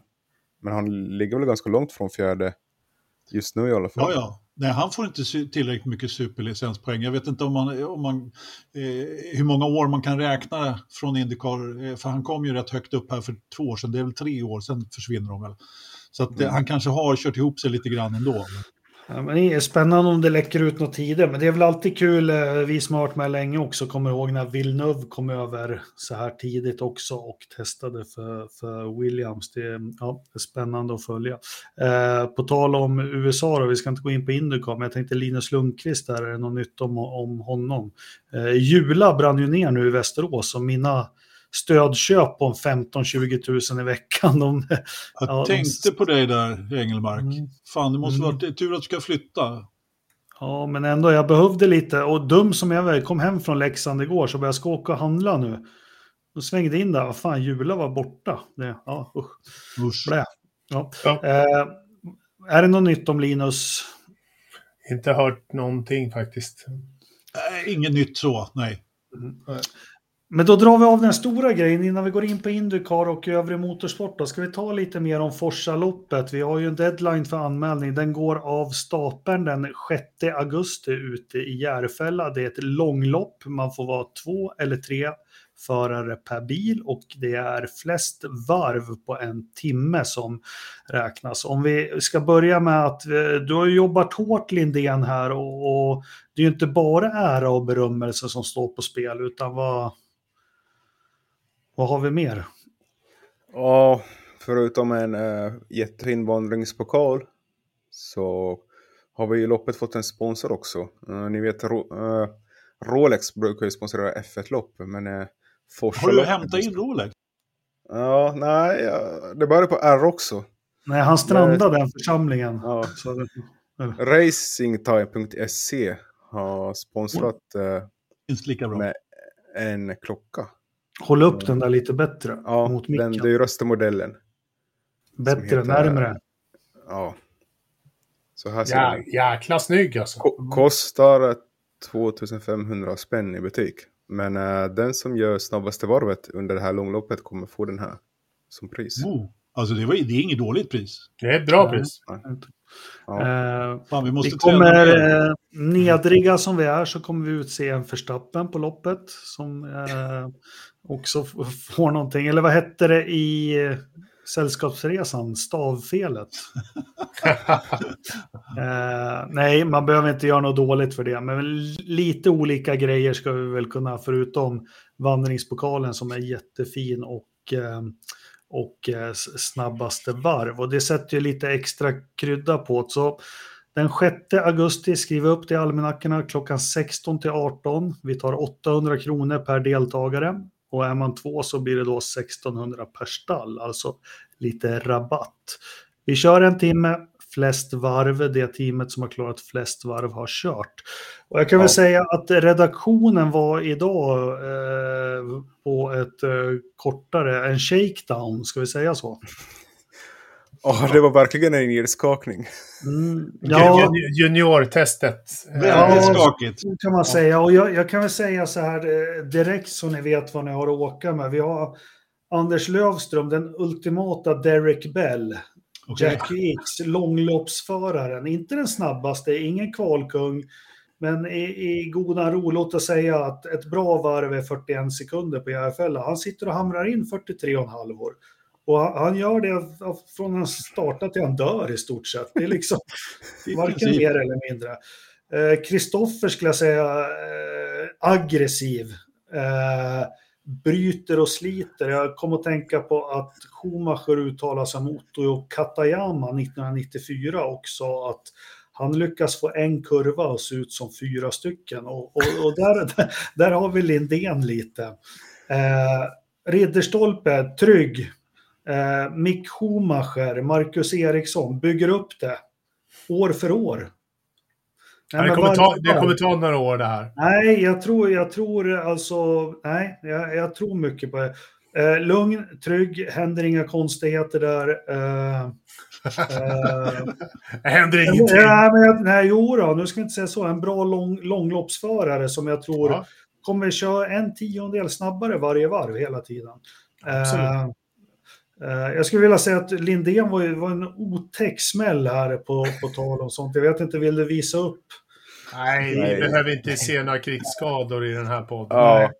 Nej, men äh, min son var ju också med, så jag sa åt sonen, sätt upp finnen åt mig nu så ska jag T-bona honom. Eh, vilket han gjorde. och, och det, det roliga, så här, jag måste bara berätta det, när jag gick upp i morse och höll på, jag har ju mina problem, då klickade det till i slutet av ryggen och nacken. Så jag var jättestel och hade superont. Och jag sa så, jag vet inte om jag kan köra gokart, för det var verkligen, jag var låst. Och efter den där smällen då kom samma klickljud. Sen bara, hur bra är ryggen som helst? ja, men vad ska vi säga lite om, det är jättefina kartor. Väldigt Absolut. roliga kartor att köra. Eh, för att vara hyrkart, inget så att den är tyngre och kör åt höger än åt vänster. Någonting jättefina. En otroligt teknisk bana skulle jag vilja säga. Den är särskilt eh, Formel 1-språk. Sektor 2 är, ja, där kan man förlora mycket tid. Mm. Eh, har ni något att tillägga? Vilken typ av förare är jag då? Lite som Alonso åker du vifta finger när du kör förbi ja, på gräset. Drog, drog någon ytterrökare på någon där också. Ja, så att det är lite Alonso över det. Ja, och jag lutar mig väldigt starkt mot, jag kommer teama upp med min son Albin, som var otroligt snabb idag, det måste vi faktiskt se han. Ja, det var. Ja, han var snabbare än alla oss i alla fall. Ja, han var, han var till och med snabbare än han som jobbade där. Vi kollar papperna nu, skit i Och långlopp, jag har kvicksilvret i Albin, långloppsspecialisten Thomas Skalberg och jag själv. Ja. Äh, återigen, jag förhandsfavoriter. Jag tror definitivt att, eh, att eh, Team Engelmark Skalberg är en klar förhandsfavorit. Mm. Men jag måste bara fråga dig, Kristoffer, där. Alltså, du måste ha fått något problem med, med bakgrunden. För, för den här, då när Jakob körde in i dig, det måste vara tredje gången som du, eh, som du vände på den där kartan, eller? Ja, nej men alltså jag, jag övar ju på att... Äh, ja. Få piruetter. Ta kurvorna snabbt. Jaha. Ja. Okay, men, men, men alltså, ni minns ju när Max Verstappen kom in i Formel 1? Han, liksom, ja, han satsade ju allting också. Det var, ja. Alltså det är helt rätt. Det är också min taktik. Här är ingen Nej, men du var, du var snabb, men du var fan överallt. Ja. ja. ja. Och väldigt, där man ska vara och där man inte ska vara. Snabb Testa lite. Ja, nej, men ja. Anders, det var som att sätta på en äggklocka. Det var liksom inga konstigheter. Det. Ja. Nej, men, nej, det, var, det var väldigt kul mina herrar, eller hur? Ja, det var roligt. Ja. Och det kommer, ju... bli ett, det kommer bli ett superevent där ute. Det kommer bli skitkul. Så glöm inte att anmäla er till det här. Det står ju överallt där vi finns, så informerar vi om det. Eh, 6 augusti klockan 16 i Järfälla. Lägg in det. Eh, anmälningen stäng, stänger om två veckor, så hur många team har vi plats för ungefär som det ser ut nu? Mm, det finns väl plats för en fem, sex till. Mm. Så, så först, uh, först kvar folk som funderar på det här med långlopp så det, det fungerar så att vart tionde minut kommer de vinka in alla stall då, och då får man välja inom stallet om man vill byta förare eller fortsätta. Aha, är det så ja. det är? Ja. Och då förlorar inte fan, då, då blir jag Skalberg. Ja. Jag, jag har fixat en chattgrupp med Skalberg, sonen och mig, hur vi ska lägga upp det här med förarbyten. Men ja. vart det nu var det jobb. Men det kan vi säga ja. också om ni är, är som vi. vi. Körde ju tre gånger åtta minuter idag, eller hur? Mm. Ja. Det är rejält jobbigt. Ja. Tio, minuter, tio minuter kommer att kännas i mm. kroppen. Och eh, liksom när du har gjort det och sen vila tio minuter. Mm. De sista eh, tio minuterna kommer vara skitjobbiga.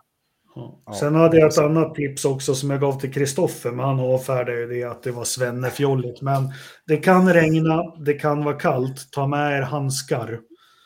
Eh, handskar, för du kan, det räcker med att det är lite kallt och lite regndropp, så ja, till slut då kan du inte hålla i ratten för du fryser om firma, eh, fingrarna.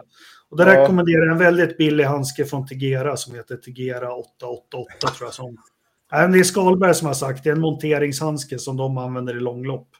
Ja, Ja. bra, bra. Och, eh, och jag körde i shorts men eh, mina knän var ju sönderblodiga efter det så Ja. kör gärna i långbyxor. Nej, du behöver inte visa upp, men han, han, jo, han, han har lite blåmärken och det rann lite blod om han och det var allt möjligt. Men det, det är sisu. Och det blir ju en eh, Le Mans-start på det här också. Alltså startpositionen kommer lottas ut och sen kommer man få springa till sin kart. Så det gäller Åh, ju... fy för- fan, Albin. Ja. Engelborg, jag vill se dig springa i starten. Ja. Och ska man kila ner sig den jävla stolen, det tar ju också. Då har det ju gått en stint. Ja, exakt. Eh, första priset förutom vandringspokalen, var det något mer? Uh, presentkort. Eh, Precis, jag tänkte om det var en- hel... Nej, man får en hel kväll med den där... Vi såg den idag, den där tävlingskartan och den eh, går ju liksom tio gånger snabbare än den vi kommer tävla med. En 125 Rotax. Jag skulle faktiskt Ja. provköra den idag, men jag eh, fegade ur. Jag såg en som var ute och provade den. Det är alltså sånt ös så nacken knycks bak när han ger på i den. Så Alltså det går fort. Det går Ja. jättefort. Ja. det går jättefort. Eh, anmäler, vi har bara haft en kul dag idag. Vi är jättetrötta just nu. Men eh, det var det om gokarten och Men- vi, Ja, sponsorn så han gav inte bara en klocka utan han gav två sådana här klockor. Och vi kommer Mm. lotta ut den andra i våra sociala mediekanaler. Så mm, Sådär, lagom, ja, här i veckan så ska vi försöka lägga ut ett inlägg där ni kan delta i den här utlottningen. eh, En klocka värd- Ja, ursäkta. Ja, en Ja. klocka värd. Ja. En klocka värd, ja exakt, kommer vi lotta Alltså ut. två klockor, snabbaste varv och så kommer vi en, använda en i sociala medier och vi tackar racingtime.se. Besök dem, jag ska rekommendera racingtime.se på Facebook så får ni mer bilder på vad de håller på med. Fina klockor från Växjö. Mikael frågar, finns det utrustning på stället? Jo, det finns hjälm och det finns overaller, men jag såg inga handskar där. Ja, och det finns eh, balaklavor och så vidare. Men handskar Ja. kan vara bra med sig. Mm, Halo fanns det om man vill ha också. Hans skydd och... Men inga skor heller, eller?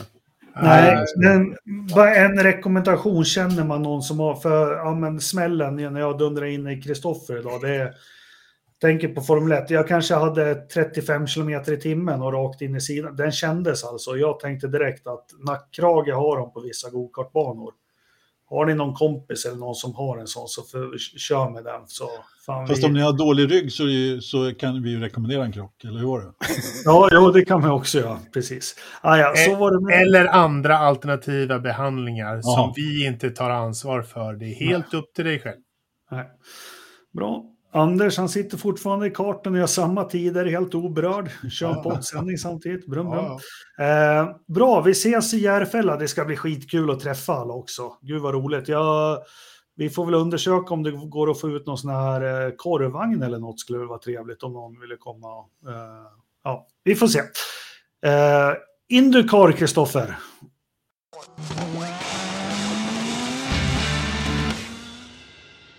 Lite större djurkartor i USA, Indycar. Vi har ett lopp på gång i, i, i Toronto och eh, Vad säger du Jakob? Du försvann lite där, men jag tror att eh, eh, jag... Nu har vi pratat Hörta och Indycar på Formel 1, så att det blir inte Ja. så mycket Indycar-snack. Nej, Men, Det är lite Toronto, de kör ju inte över rälsen längre tyvärr. men de gör ju inte det. Alltså jag måste säga det att jag har dålig koll. Det var ju några år sedan vi var i Toronto, så att eh, jag har jag tycker... Alltså det är ju en stadsbana igen. Tycker ändå att den är ganska okej ändå för att vara... Eh, vet du, det, för, för att vara eh, stadsbana då, men alltså den är inte jätteskoj ändå, måste jag säga.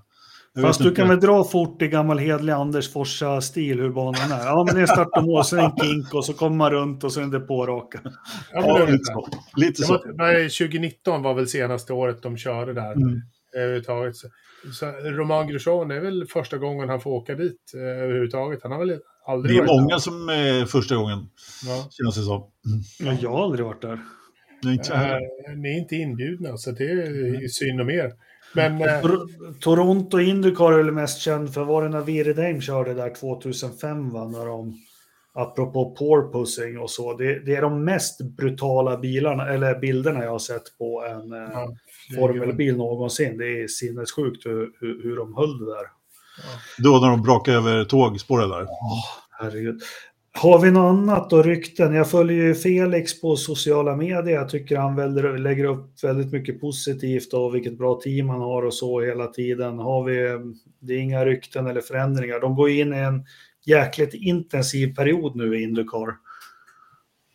Ja, det gör de. Eh, jag vet inte riktigt. Han kan väl inte göra så mycket annat än att se glad ut och köra så fort han kan. Liksom. Eh, här har vi en kille till som behöver ha ett bra resultat och en bil som håller hela vägen. Så att, eh, mm. Ja. Nej, det enda man ser, Marcus har jättemycket semester. Eh, Eh, Badbrallor fortfarande? eller? mycket, fortfarande sjukt mycket badbrallor och kanot och, och vad det nu är. Mycket vatten och, och bad där. De, de monterade Ikea-möbler förresten häromdagen också såg jag. Det var väldigt intressant. Tack för den rapporten från sociala me- medier. Ja. Kan vi prata om racing nu? Eh, kan vi väl göra, men det har ju inte hänt något, så vad ska jag göra? Liksom, jag kan ju bara blåsa varmluft. Ja, Ridder, eller Kristoffer, du har väl kollat klart på den där Super Swedes, eller vad- nej vad hette den? Girls Play. Playmates? Ja, Nej, play, Playmaker. play. Playmaker. Vad heter Kristoffer? Hjälp oss. Playmakers. Okej. Hur, hur, Ja. hur den slutar den?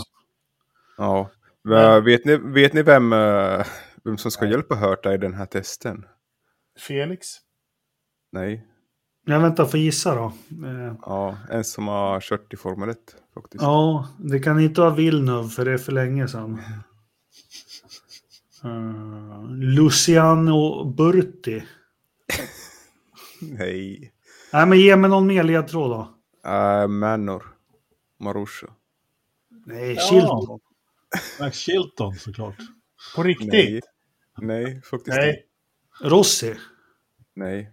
Även var det mer då? Han Stevens? Eh, Ja. var- ja. Sån är det. Fan, bättre de skulle tagit Bianchi. Lite svårt där. Det finns Jo, vissa men- utmaningar med den lösningen. Ja. Ja, sant. Ja, ja, nej men k- kul för Hörta. Men eh, det är ju inte så mycket... Det är ju inte så mycket brus kring Indycar mellan loppen och, och det är väl skönt men tråkigt för oss som poddar om det då. Men eh, jag har inte snappat upp något. Jag bara undrar när deras nya bil kommer om vi ska ta det. När kommer Det nya Indycar? Det, vet jag inte, men det, det enda jag har hört är väl att Indy Lights har slutat med Cooper-däcken. De har ju, eh, men det kanske vi redan har, har annonsat eh, Just det. sedan tidigare. De skulle över till Fire- Firestone. Det har vi, Firestone också. mm, jag tror vi snackar lite lätt om det bara. Men eh, det, är, eh, om de har skrivit, det är väl lika bra att de kör på samma däcksfabrikat som eh, stora Indy. Ja, det är väl bra. För 2024 är ju nya motorerna men de måste faktiskt rita om en bil snart tycker jag. Jag håller med. Ja, ja. Eh, vi stänger eh, USA-grejen då och påminner om att glöm inte att prenumerera på YouTube-kanal. Eh, glöm inte att gå in på Podstore och beställa in en fläskig veckans Verstappen-tröja eller varför inte en kaffekopp med väderstationen. Eh, Podstore.se.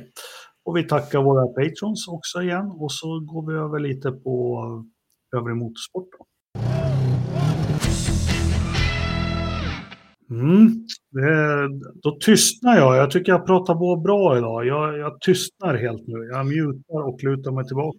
Ja jäklar du har snackat. Ja du kan luta dig tillbaka lite grann. Vi, vi försöker snacka lite F2 F3. Eh, både här och där. Kristoffer, ja, jag såg faktiskt, jag missade F3-loppet där. Eh, eller de båda F3-loppen. Jag såg, jag ska säga, såg det första kanske. Men inte det andra blöta där. Eh, var, det, var det någon bra sprutt på F3 i, i Österrike? Ja, jag tyckte det var händelserikt, eh, båda loppen. Eh, liksom inte mycket att klaga på där. Eh, Nej. det, William Alatoros eh, motor raserade ju på sprinten där på lördagen. Just det. Och här kom man igång till eh, fyrhjulsloppet? Ja, exakt. Han tog ju poäng faktiskt Mm. också. Mm, kom ju åtta.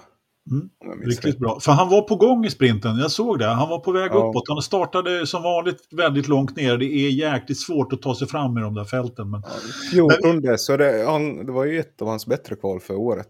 Han Ja. sa ju att han, skulle han kvala utanför topp 20 så skulle Mm, han men han- bli en till, Han tappade några, ja, men precis. Men han tappade några placeringar där i början. Det var lite stökigt där. Det är ju lätt att göra det Ja. i, i, eh, i Ja. den där röran. Liksom. Ja, men jag tycker...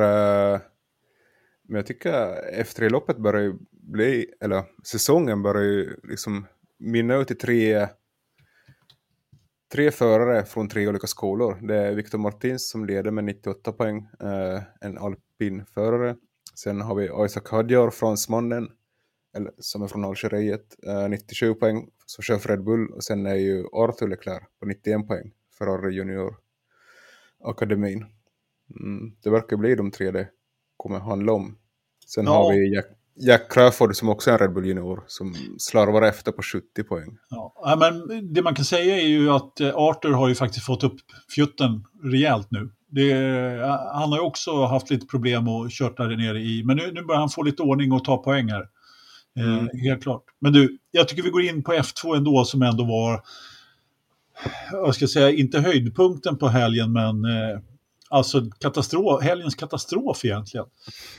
Eh, sprintloppet var väl inte så mycket, men, men herregud. Vad hände i, i sprinten egentligen? Hände det någonting där överhuvudtaget? Vem var det som vann? Jag har glömt redan. Uh, Armstrong tog sin första, Just det, just det, just det. för nej, andra sprintseger. Ja. Ja, precis. Men eh, precis. jag, vet inte, jag vill inte räkna sprintsegrar som riktiga segrar. Lite som i F1. Ja, ja precis. Alltså det, ja, jag vet inte, F2 har ju kört med det länge och jag tycker väl att det är okej då. Men, men visst, eh, feature-racet är ju ändå det kanske lite mer, eh, lite mer prestige då. Och det förstörde Mm. man ju fullständigt med, med straff och alltihopa överhuvudtaget. Och sen, sen hjälps ju inte då att förså då som för det första var det blött, alltså det var delvis av banan var blöt så det var många som startade på wets, eller rättare sagt de sex första, men nästan alla där bak startade ju på slicks och tog ch- chansen för att Mm. halva banan var ju torr och det fanns ett torrt spår i stort sett. Fast det var ju vissa ställen som var, eh, som var blöta där och jag menar, Vips startade väl tvåa och eh, vem fan var det som hade pool då? Det var, det var, det var, det var, det var, det var någon annan. Ja.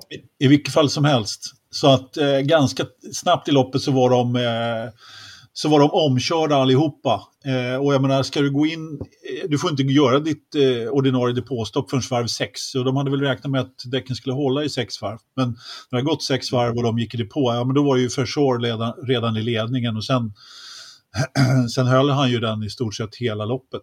Eh, liksom, och, och, men det var väldigt mycket, väldigt mycket track limits där också. Och det var straff som delades ut. Och vi, min favorit, Roberto Meria, han körde ju upp sig till en tredje plats men fick något jävla track limits på slutet också. Så han ramlade ner då till, till femte. Trodde man då. Ja. Men när, när de går i mål så förstår du, han uh, tvärnitar ju i princip efter mållinjen där och parkerar då, för att de hade ju något, eh, han sa att det var hydraulikproblem, men det visade sig ju senare att det var inte alls hydraulikproblem. Men det som var, det som var lite roligt, det var ju att, medic- alltså inte safety caren utan den andra gröna Astonen där, läkarbilen plockade ju upp honom då, så han fick åka runt sitt eh, varv och vink, vinkade till publiken och var jätteglad eftersom det var väldigt mycket holländare där. I holländare. Och Astonen parkerade på plats nummer ett där. Som man, som Ja, fint gjort, måste jag ja, säga. men, Ja. eh, kommentatorn Ja. satt och hejade på. Kom igen nu! Parkera där! Parkera där! Ja! ja. Men eh, den, den glidningen var ju kortvarig då för uh, Versor. Som Väldigt hade lite eh, soppa.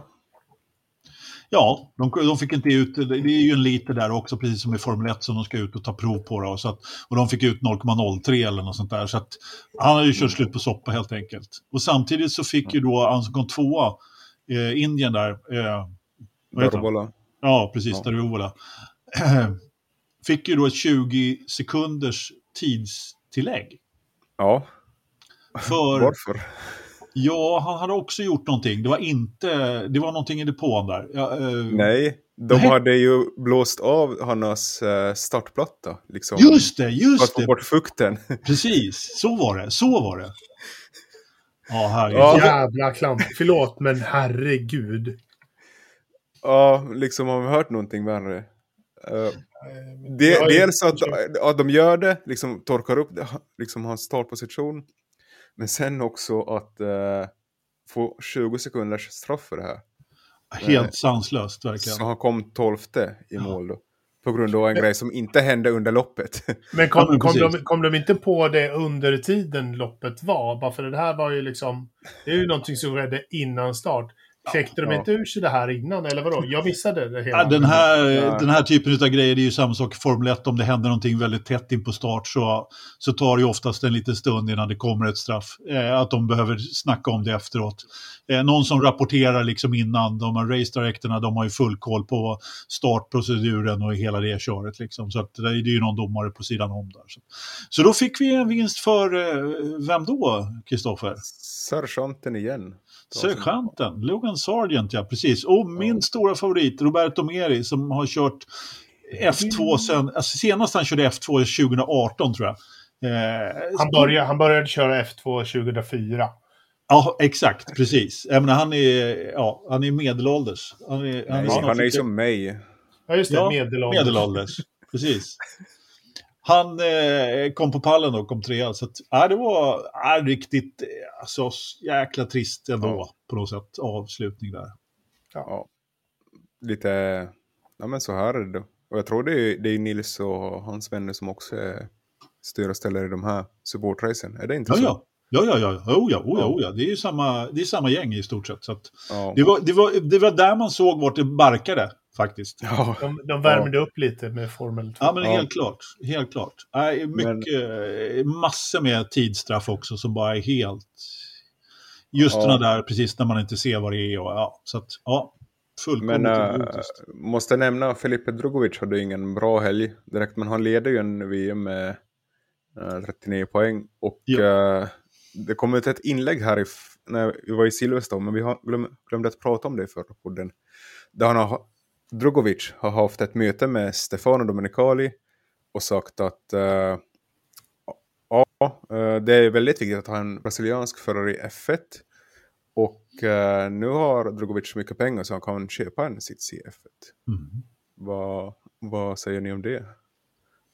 Ja, jag vet inte riktigt. Har, har inte tiden sprungit ifrån sådana saker? Ja. Han kommer säkerligen sitta i en F1. Eh, eh, även om han inte vinner F2 nästa år. Men han kommer ju bli en ny Latifi, det är jag helt övertygad om. Han är ju inte den här eh, jättetalangen. Så att, men Men, vem, Var det- men vem, vem kommer ta in honom då? Ja, exakt. Vem, vilket stall känner... McLaren. Vilket Haas. stall känner att det är så enormt viktigt att få in pengarna? Det är det Haas. Ja, det är väl det enda liksom då. Eller Williams, det är ju de två som finns. Men Williams Eh, säger ju att de inte behöver... De Mm. har ju sagt att de inte ska ha pengar. Ja, och då, då, de vill ju ha sergeanten då istället som gör väldigt bra ifrån sig just nu. Ja. Ja. Men Alltså- nej, vi, den som lever får se. Han kanske, de kanske till och med köper sitt eget stall. Och, ja. Finns det så mycket pengar där? Andrettis nyaste. Alltså det finns massor med pengar. Eh, I Brasilien. ja, att det gör. Alltså Banco da Bra- Brasil är ju tillbaka där. Så när jag ser den där gula sidepodden så får jag ju flashbacks till... Eh, Naser! Ja, fy. Naser. Uh. Fy. Nej men hörni, vi behöver gå vidare så att vi, vi har tröttat ut oss eh, ordentligt här. Vi måste snacka Mm. lite om eh, Extreme E som var också. Eh, inte så mycket kanske, vi behöver inte gå in på som resultat och ditten och datten, men det blev ju en riktig snackis där med Kristoffersson när han eh, brakade rätt in i Carlos Sainz och de var inte glada på på Kristoffersson och han hävdade väl att han kom i blindspotten där, men jag vet inte riktigt, alla som har sett den här kraschen undrar väl lite grann att det är väl inte jättekonstigt liksom om en, en massa liksom Extreme E-bilar kör i ett spår och så kommer ett annat spår som går ihop. Alltså det finns ju rätt många som kör det där spåret som det första spåret. Kommer man liksom in från fan, sidan? men fan kom på att köra ban, dra, lägga banan på det här sättet? Jag, Ja, det var det jag måste- första jag tänkte på. Det här var ju korkat. Ja. Ja, jag Alltså, måste hålla med dig där. det är Även om, även om att jag, jag måste ändå säga att jag håller inte på Kristoffersson i den där, i den där Nej. grejen. Men, men det, var, det, var lite, det var inte riktigt snyggt gjort alltså. Men, Nej, det var, det var, Ja, som? Dynamit-Harro säger liksom, Ja. vilken jävla smäll! Ja, eller hur, eller hur. Har du något att säga i, i frågan, eh, Engelmark? Nej, jag bara följde i media att de var jättearga på honom. Jag, inte jag ser bara en massa damm och grejer så. Ja. Eh, han har väl varit med om värre matadoren än det där. Ja, kanske det.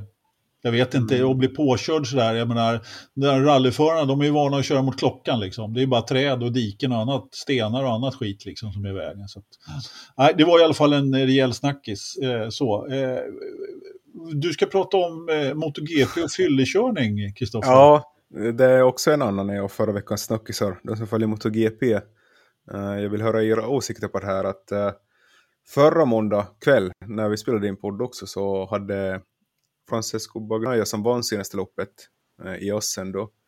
Så han var i Ibiza och festade med hela Valentino Rossis akademi. De är ju flera förare, liksom Valentino Rossi är mentor och han är en av hans som man har lärt upp det helt enkelt. De var väl fem, sex stycken där, jag vet inte hur många, men i alla fall. Så ja, på, när krogen stängde då, där vid tre, eh, dansstället, så satte han sig i sin Citroën och skulle köra hem. Tyckte han var en smart idé. Eh, men han körde ner i diket. Eh, polisen kom och stannade honom. Och han blåste 0,87 milligram per liter. Alltså tre gånger över gränsen. Eh, vad som är tillåtet i Spanien. Och eh, ja, det motsvarar i promille då 1,74 promille. Det är ganska bra. Då är man rätt bra på kanelen när man har 1,74, sa du det? Ja, Ja, Alltså- då, man, är, man är rätt bra packad, helt enkelt. Att sätta sig Alltså- och köra bil i, i det, sta- det borde inte någon sagt till honom. Lägg av, det här är en jättedålig idé. ja Eller så är man i form att gå till jobbet. För de som har den sjukdomen. Nej, Nej det, usch, det där var inget bra. Eh, jag tänker Nej. bara, det var tur att ingen skadade sig. Det är väl Ja, någon oskyldig och liksom han kör ju för Ducati, det är ju ungefär som att köra för Ferrari i F1. Skulle det här hända i F1 så skulle det ju liksom föraren vara borta redan. Nu har det inte kommit någonting på en vecka från MotoGP eller stallet vad jag vet eller sett hittills. Så det verkar som att de kommer bara se mellan fingrarna på det här men det är ju inte okej att stjärnor inom motorsporten sysslar med sånt här och det bara får rinna ut i sanden. men det är inte okej med de här fördömande och bli av med jobb och så. Killen kanske har ett problem med någonting. Men, men Ja, men han la ju ut en ursäkt också i sociala medier där han liksom skrev också att uh, I'm practically a non-drinker. Ja, jo, men det gör ju alla. Det hör ju till spelet. Ja, men det- alltså, nej, vi behöver inte bli osams om det. Jag är allt det här som händer, vad man än... Alla ska få sparken, bli av med jobbet och, och ingen bostad eller någonting. Alltså, det kan finnas personliga tragedier bakom saker som händer.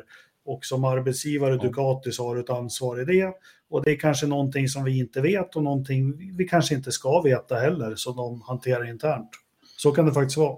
Ja, men fortfarande, Jakob. Alltså jag måste säga att det är lite skillnad på att hoppa in i bilen och vara drängfull Absolut. och, och, skönt. och liksom gasa ner i diket om du är en stor stjärna i en stor motorsport.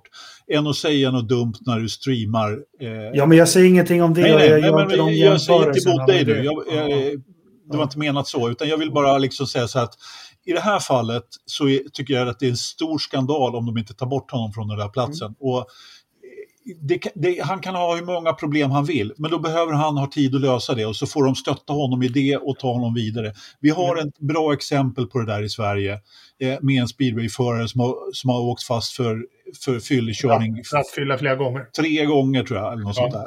Så att jag menar, det, det är klart att det finns personliga tragedier och pro, bakomliggande problem. Liksom. Så att, Mm. Ja, men Det det, är jag de menar, det är inte så. Det är helt förkastligt vem den är. Men jag tycker, jag tycker att sparka och pressmeddelande är den lätta vägen. Liksom.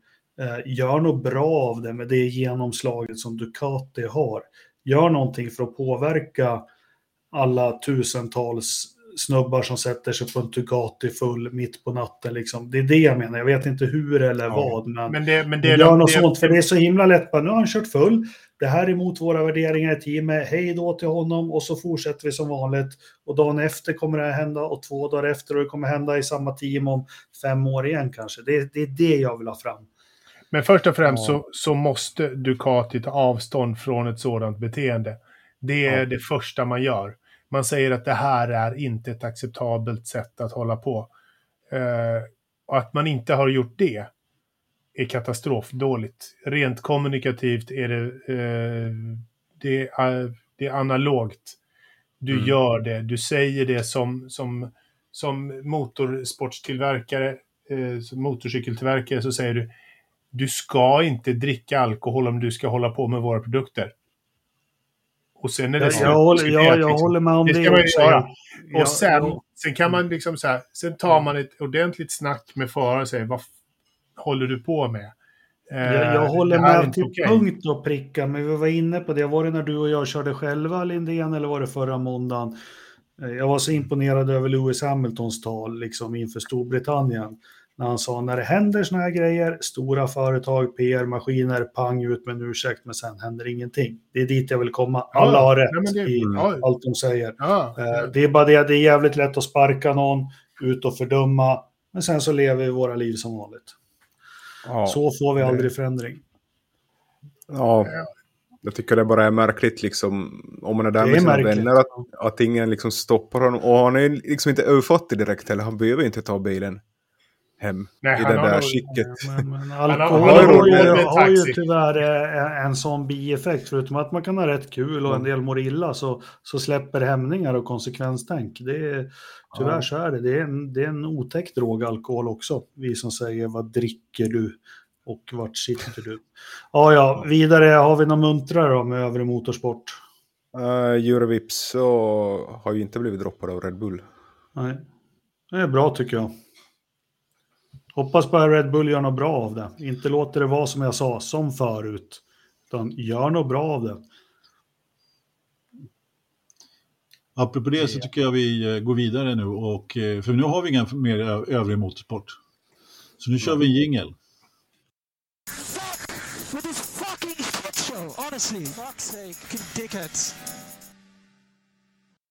Äntligen!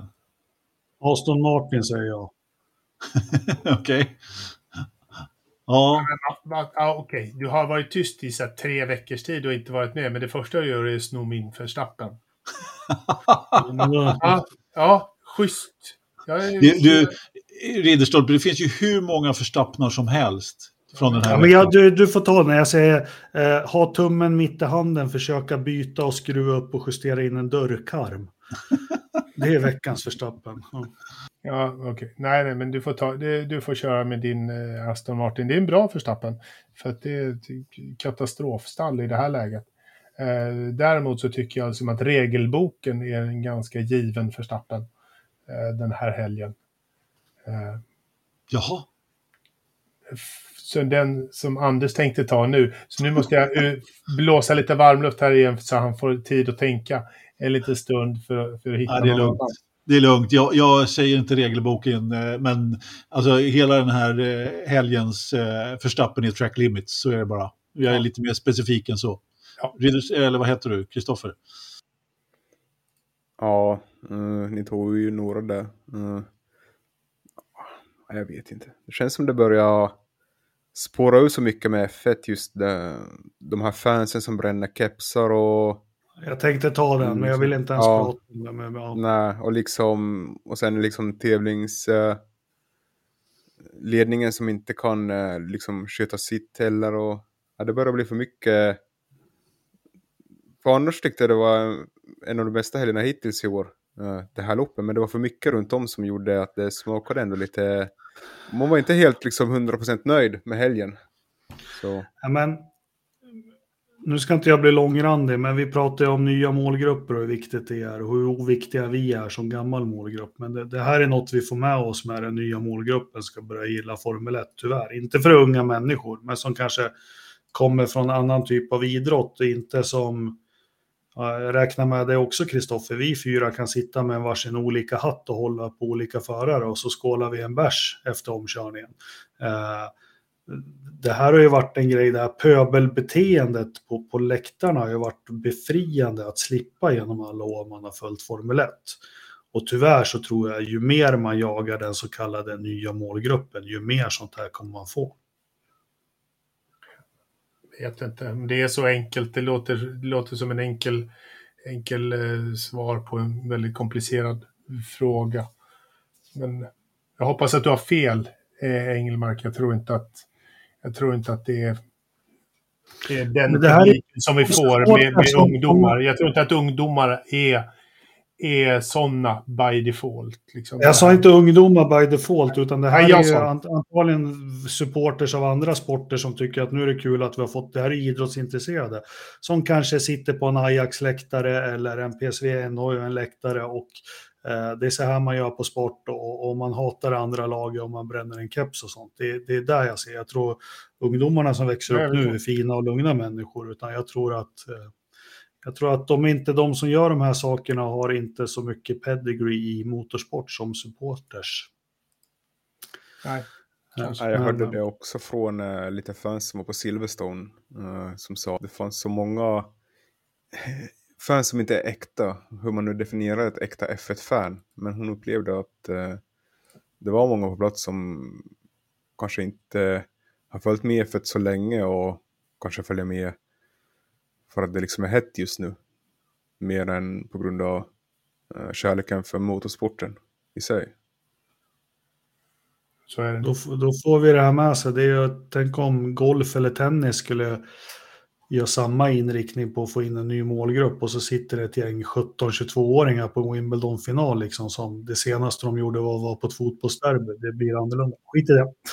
Mm. Eh, vi dragit förstappen alla, då är det ju dags för nästa jingel.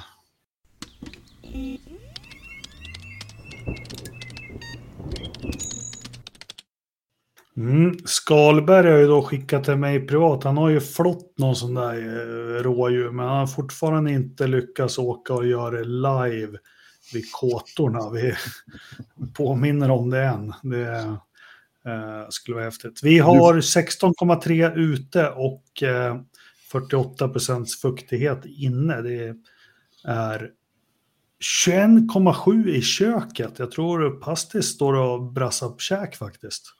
Det känns så. Lite Mm. sent dock, men eh, Jo, men han har varit ute och cyklat säkert och behöver få i sig något snabbt här nu. så kan det vara. Eh, Så kan det vara. Jag och, skulle ju eh, mickra något då, men det är klart, han kanske... Han heter ju inte Pastis för intet. Precis, och eh, ja, slottet, blommor och kallt i vinden rapporterar han på bloggen när han har varit ute och cyklat. Men vad har vi för temp i datorn då? 17,3. 18,4. Ja, alltså i mitt kök är det 29 grader så det betyder att det är 19 grader i dator. 19,0. 19,0. Noll.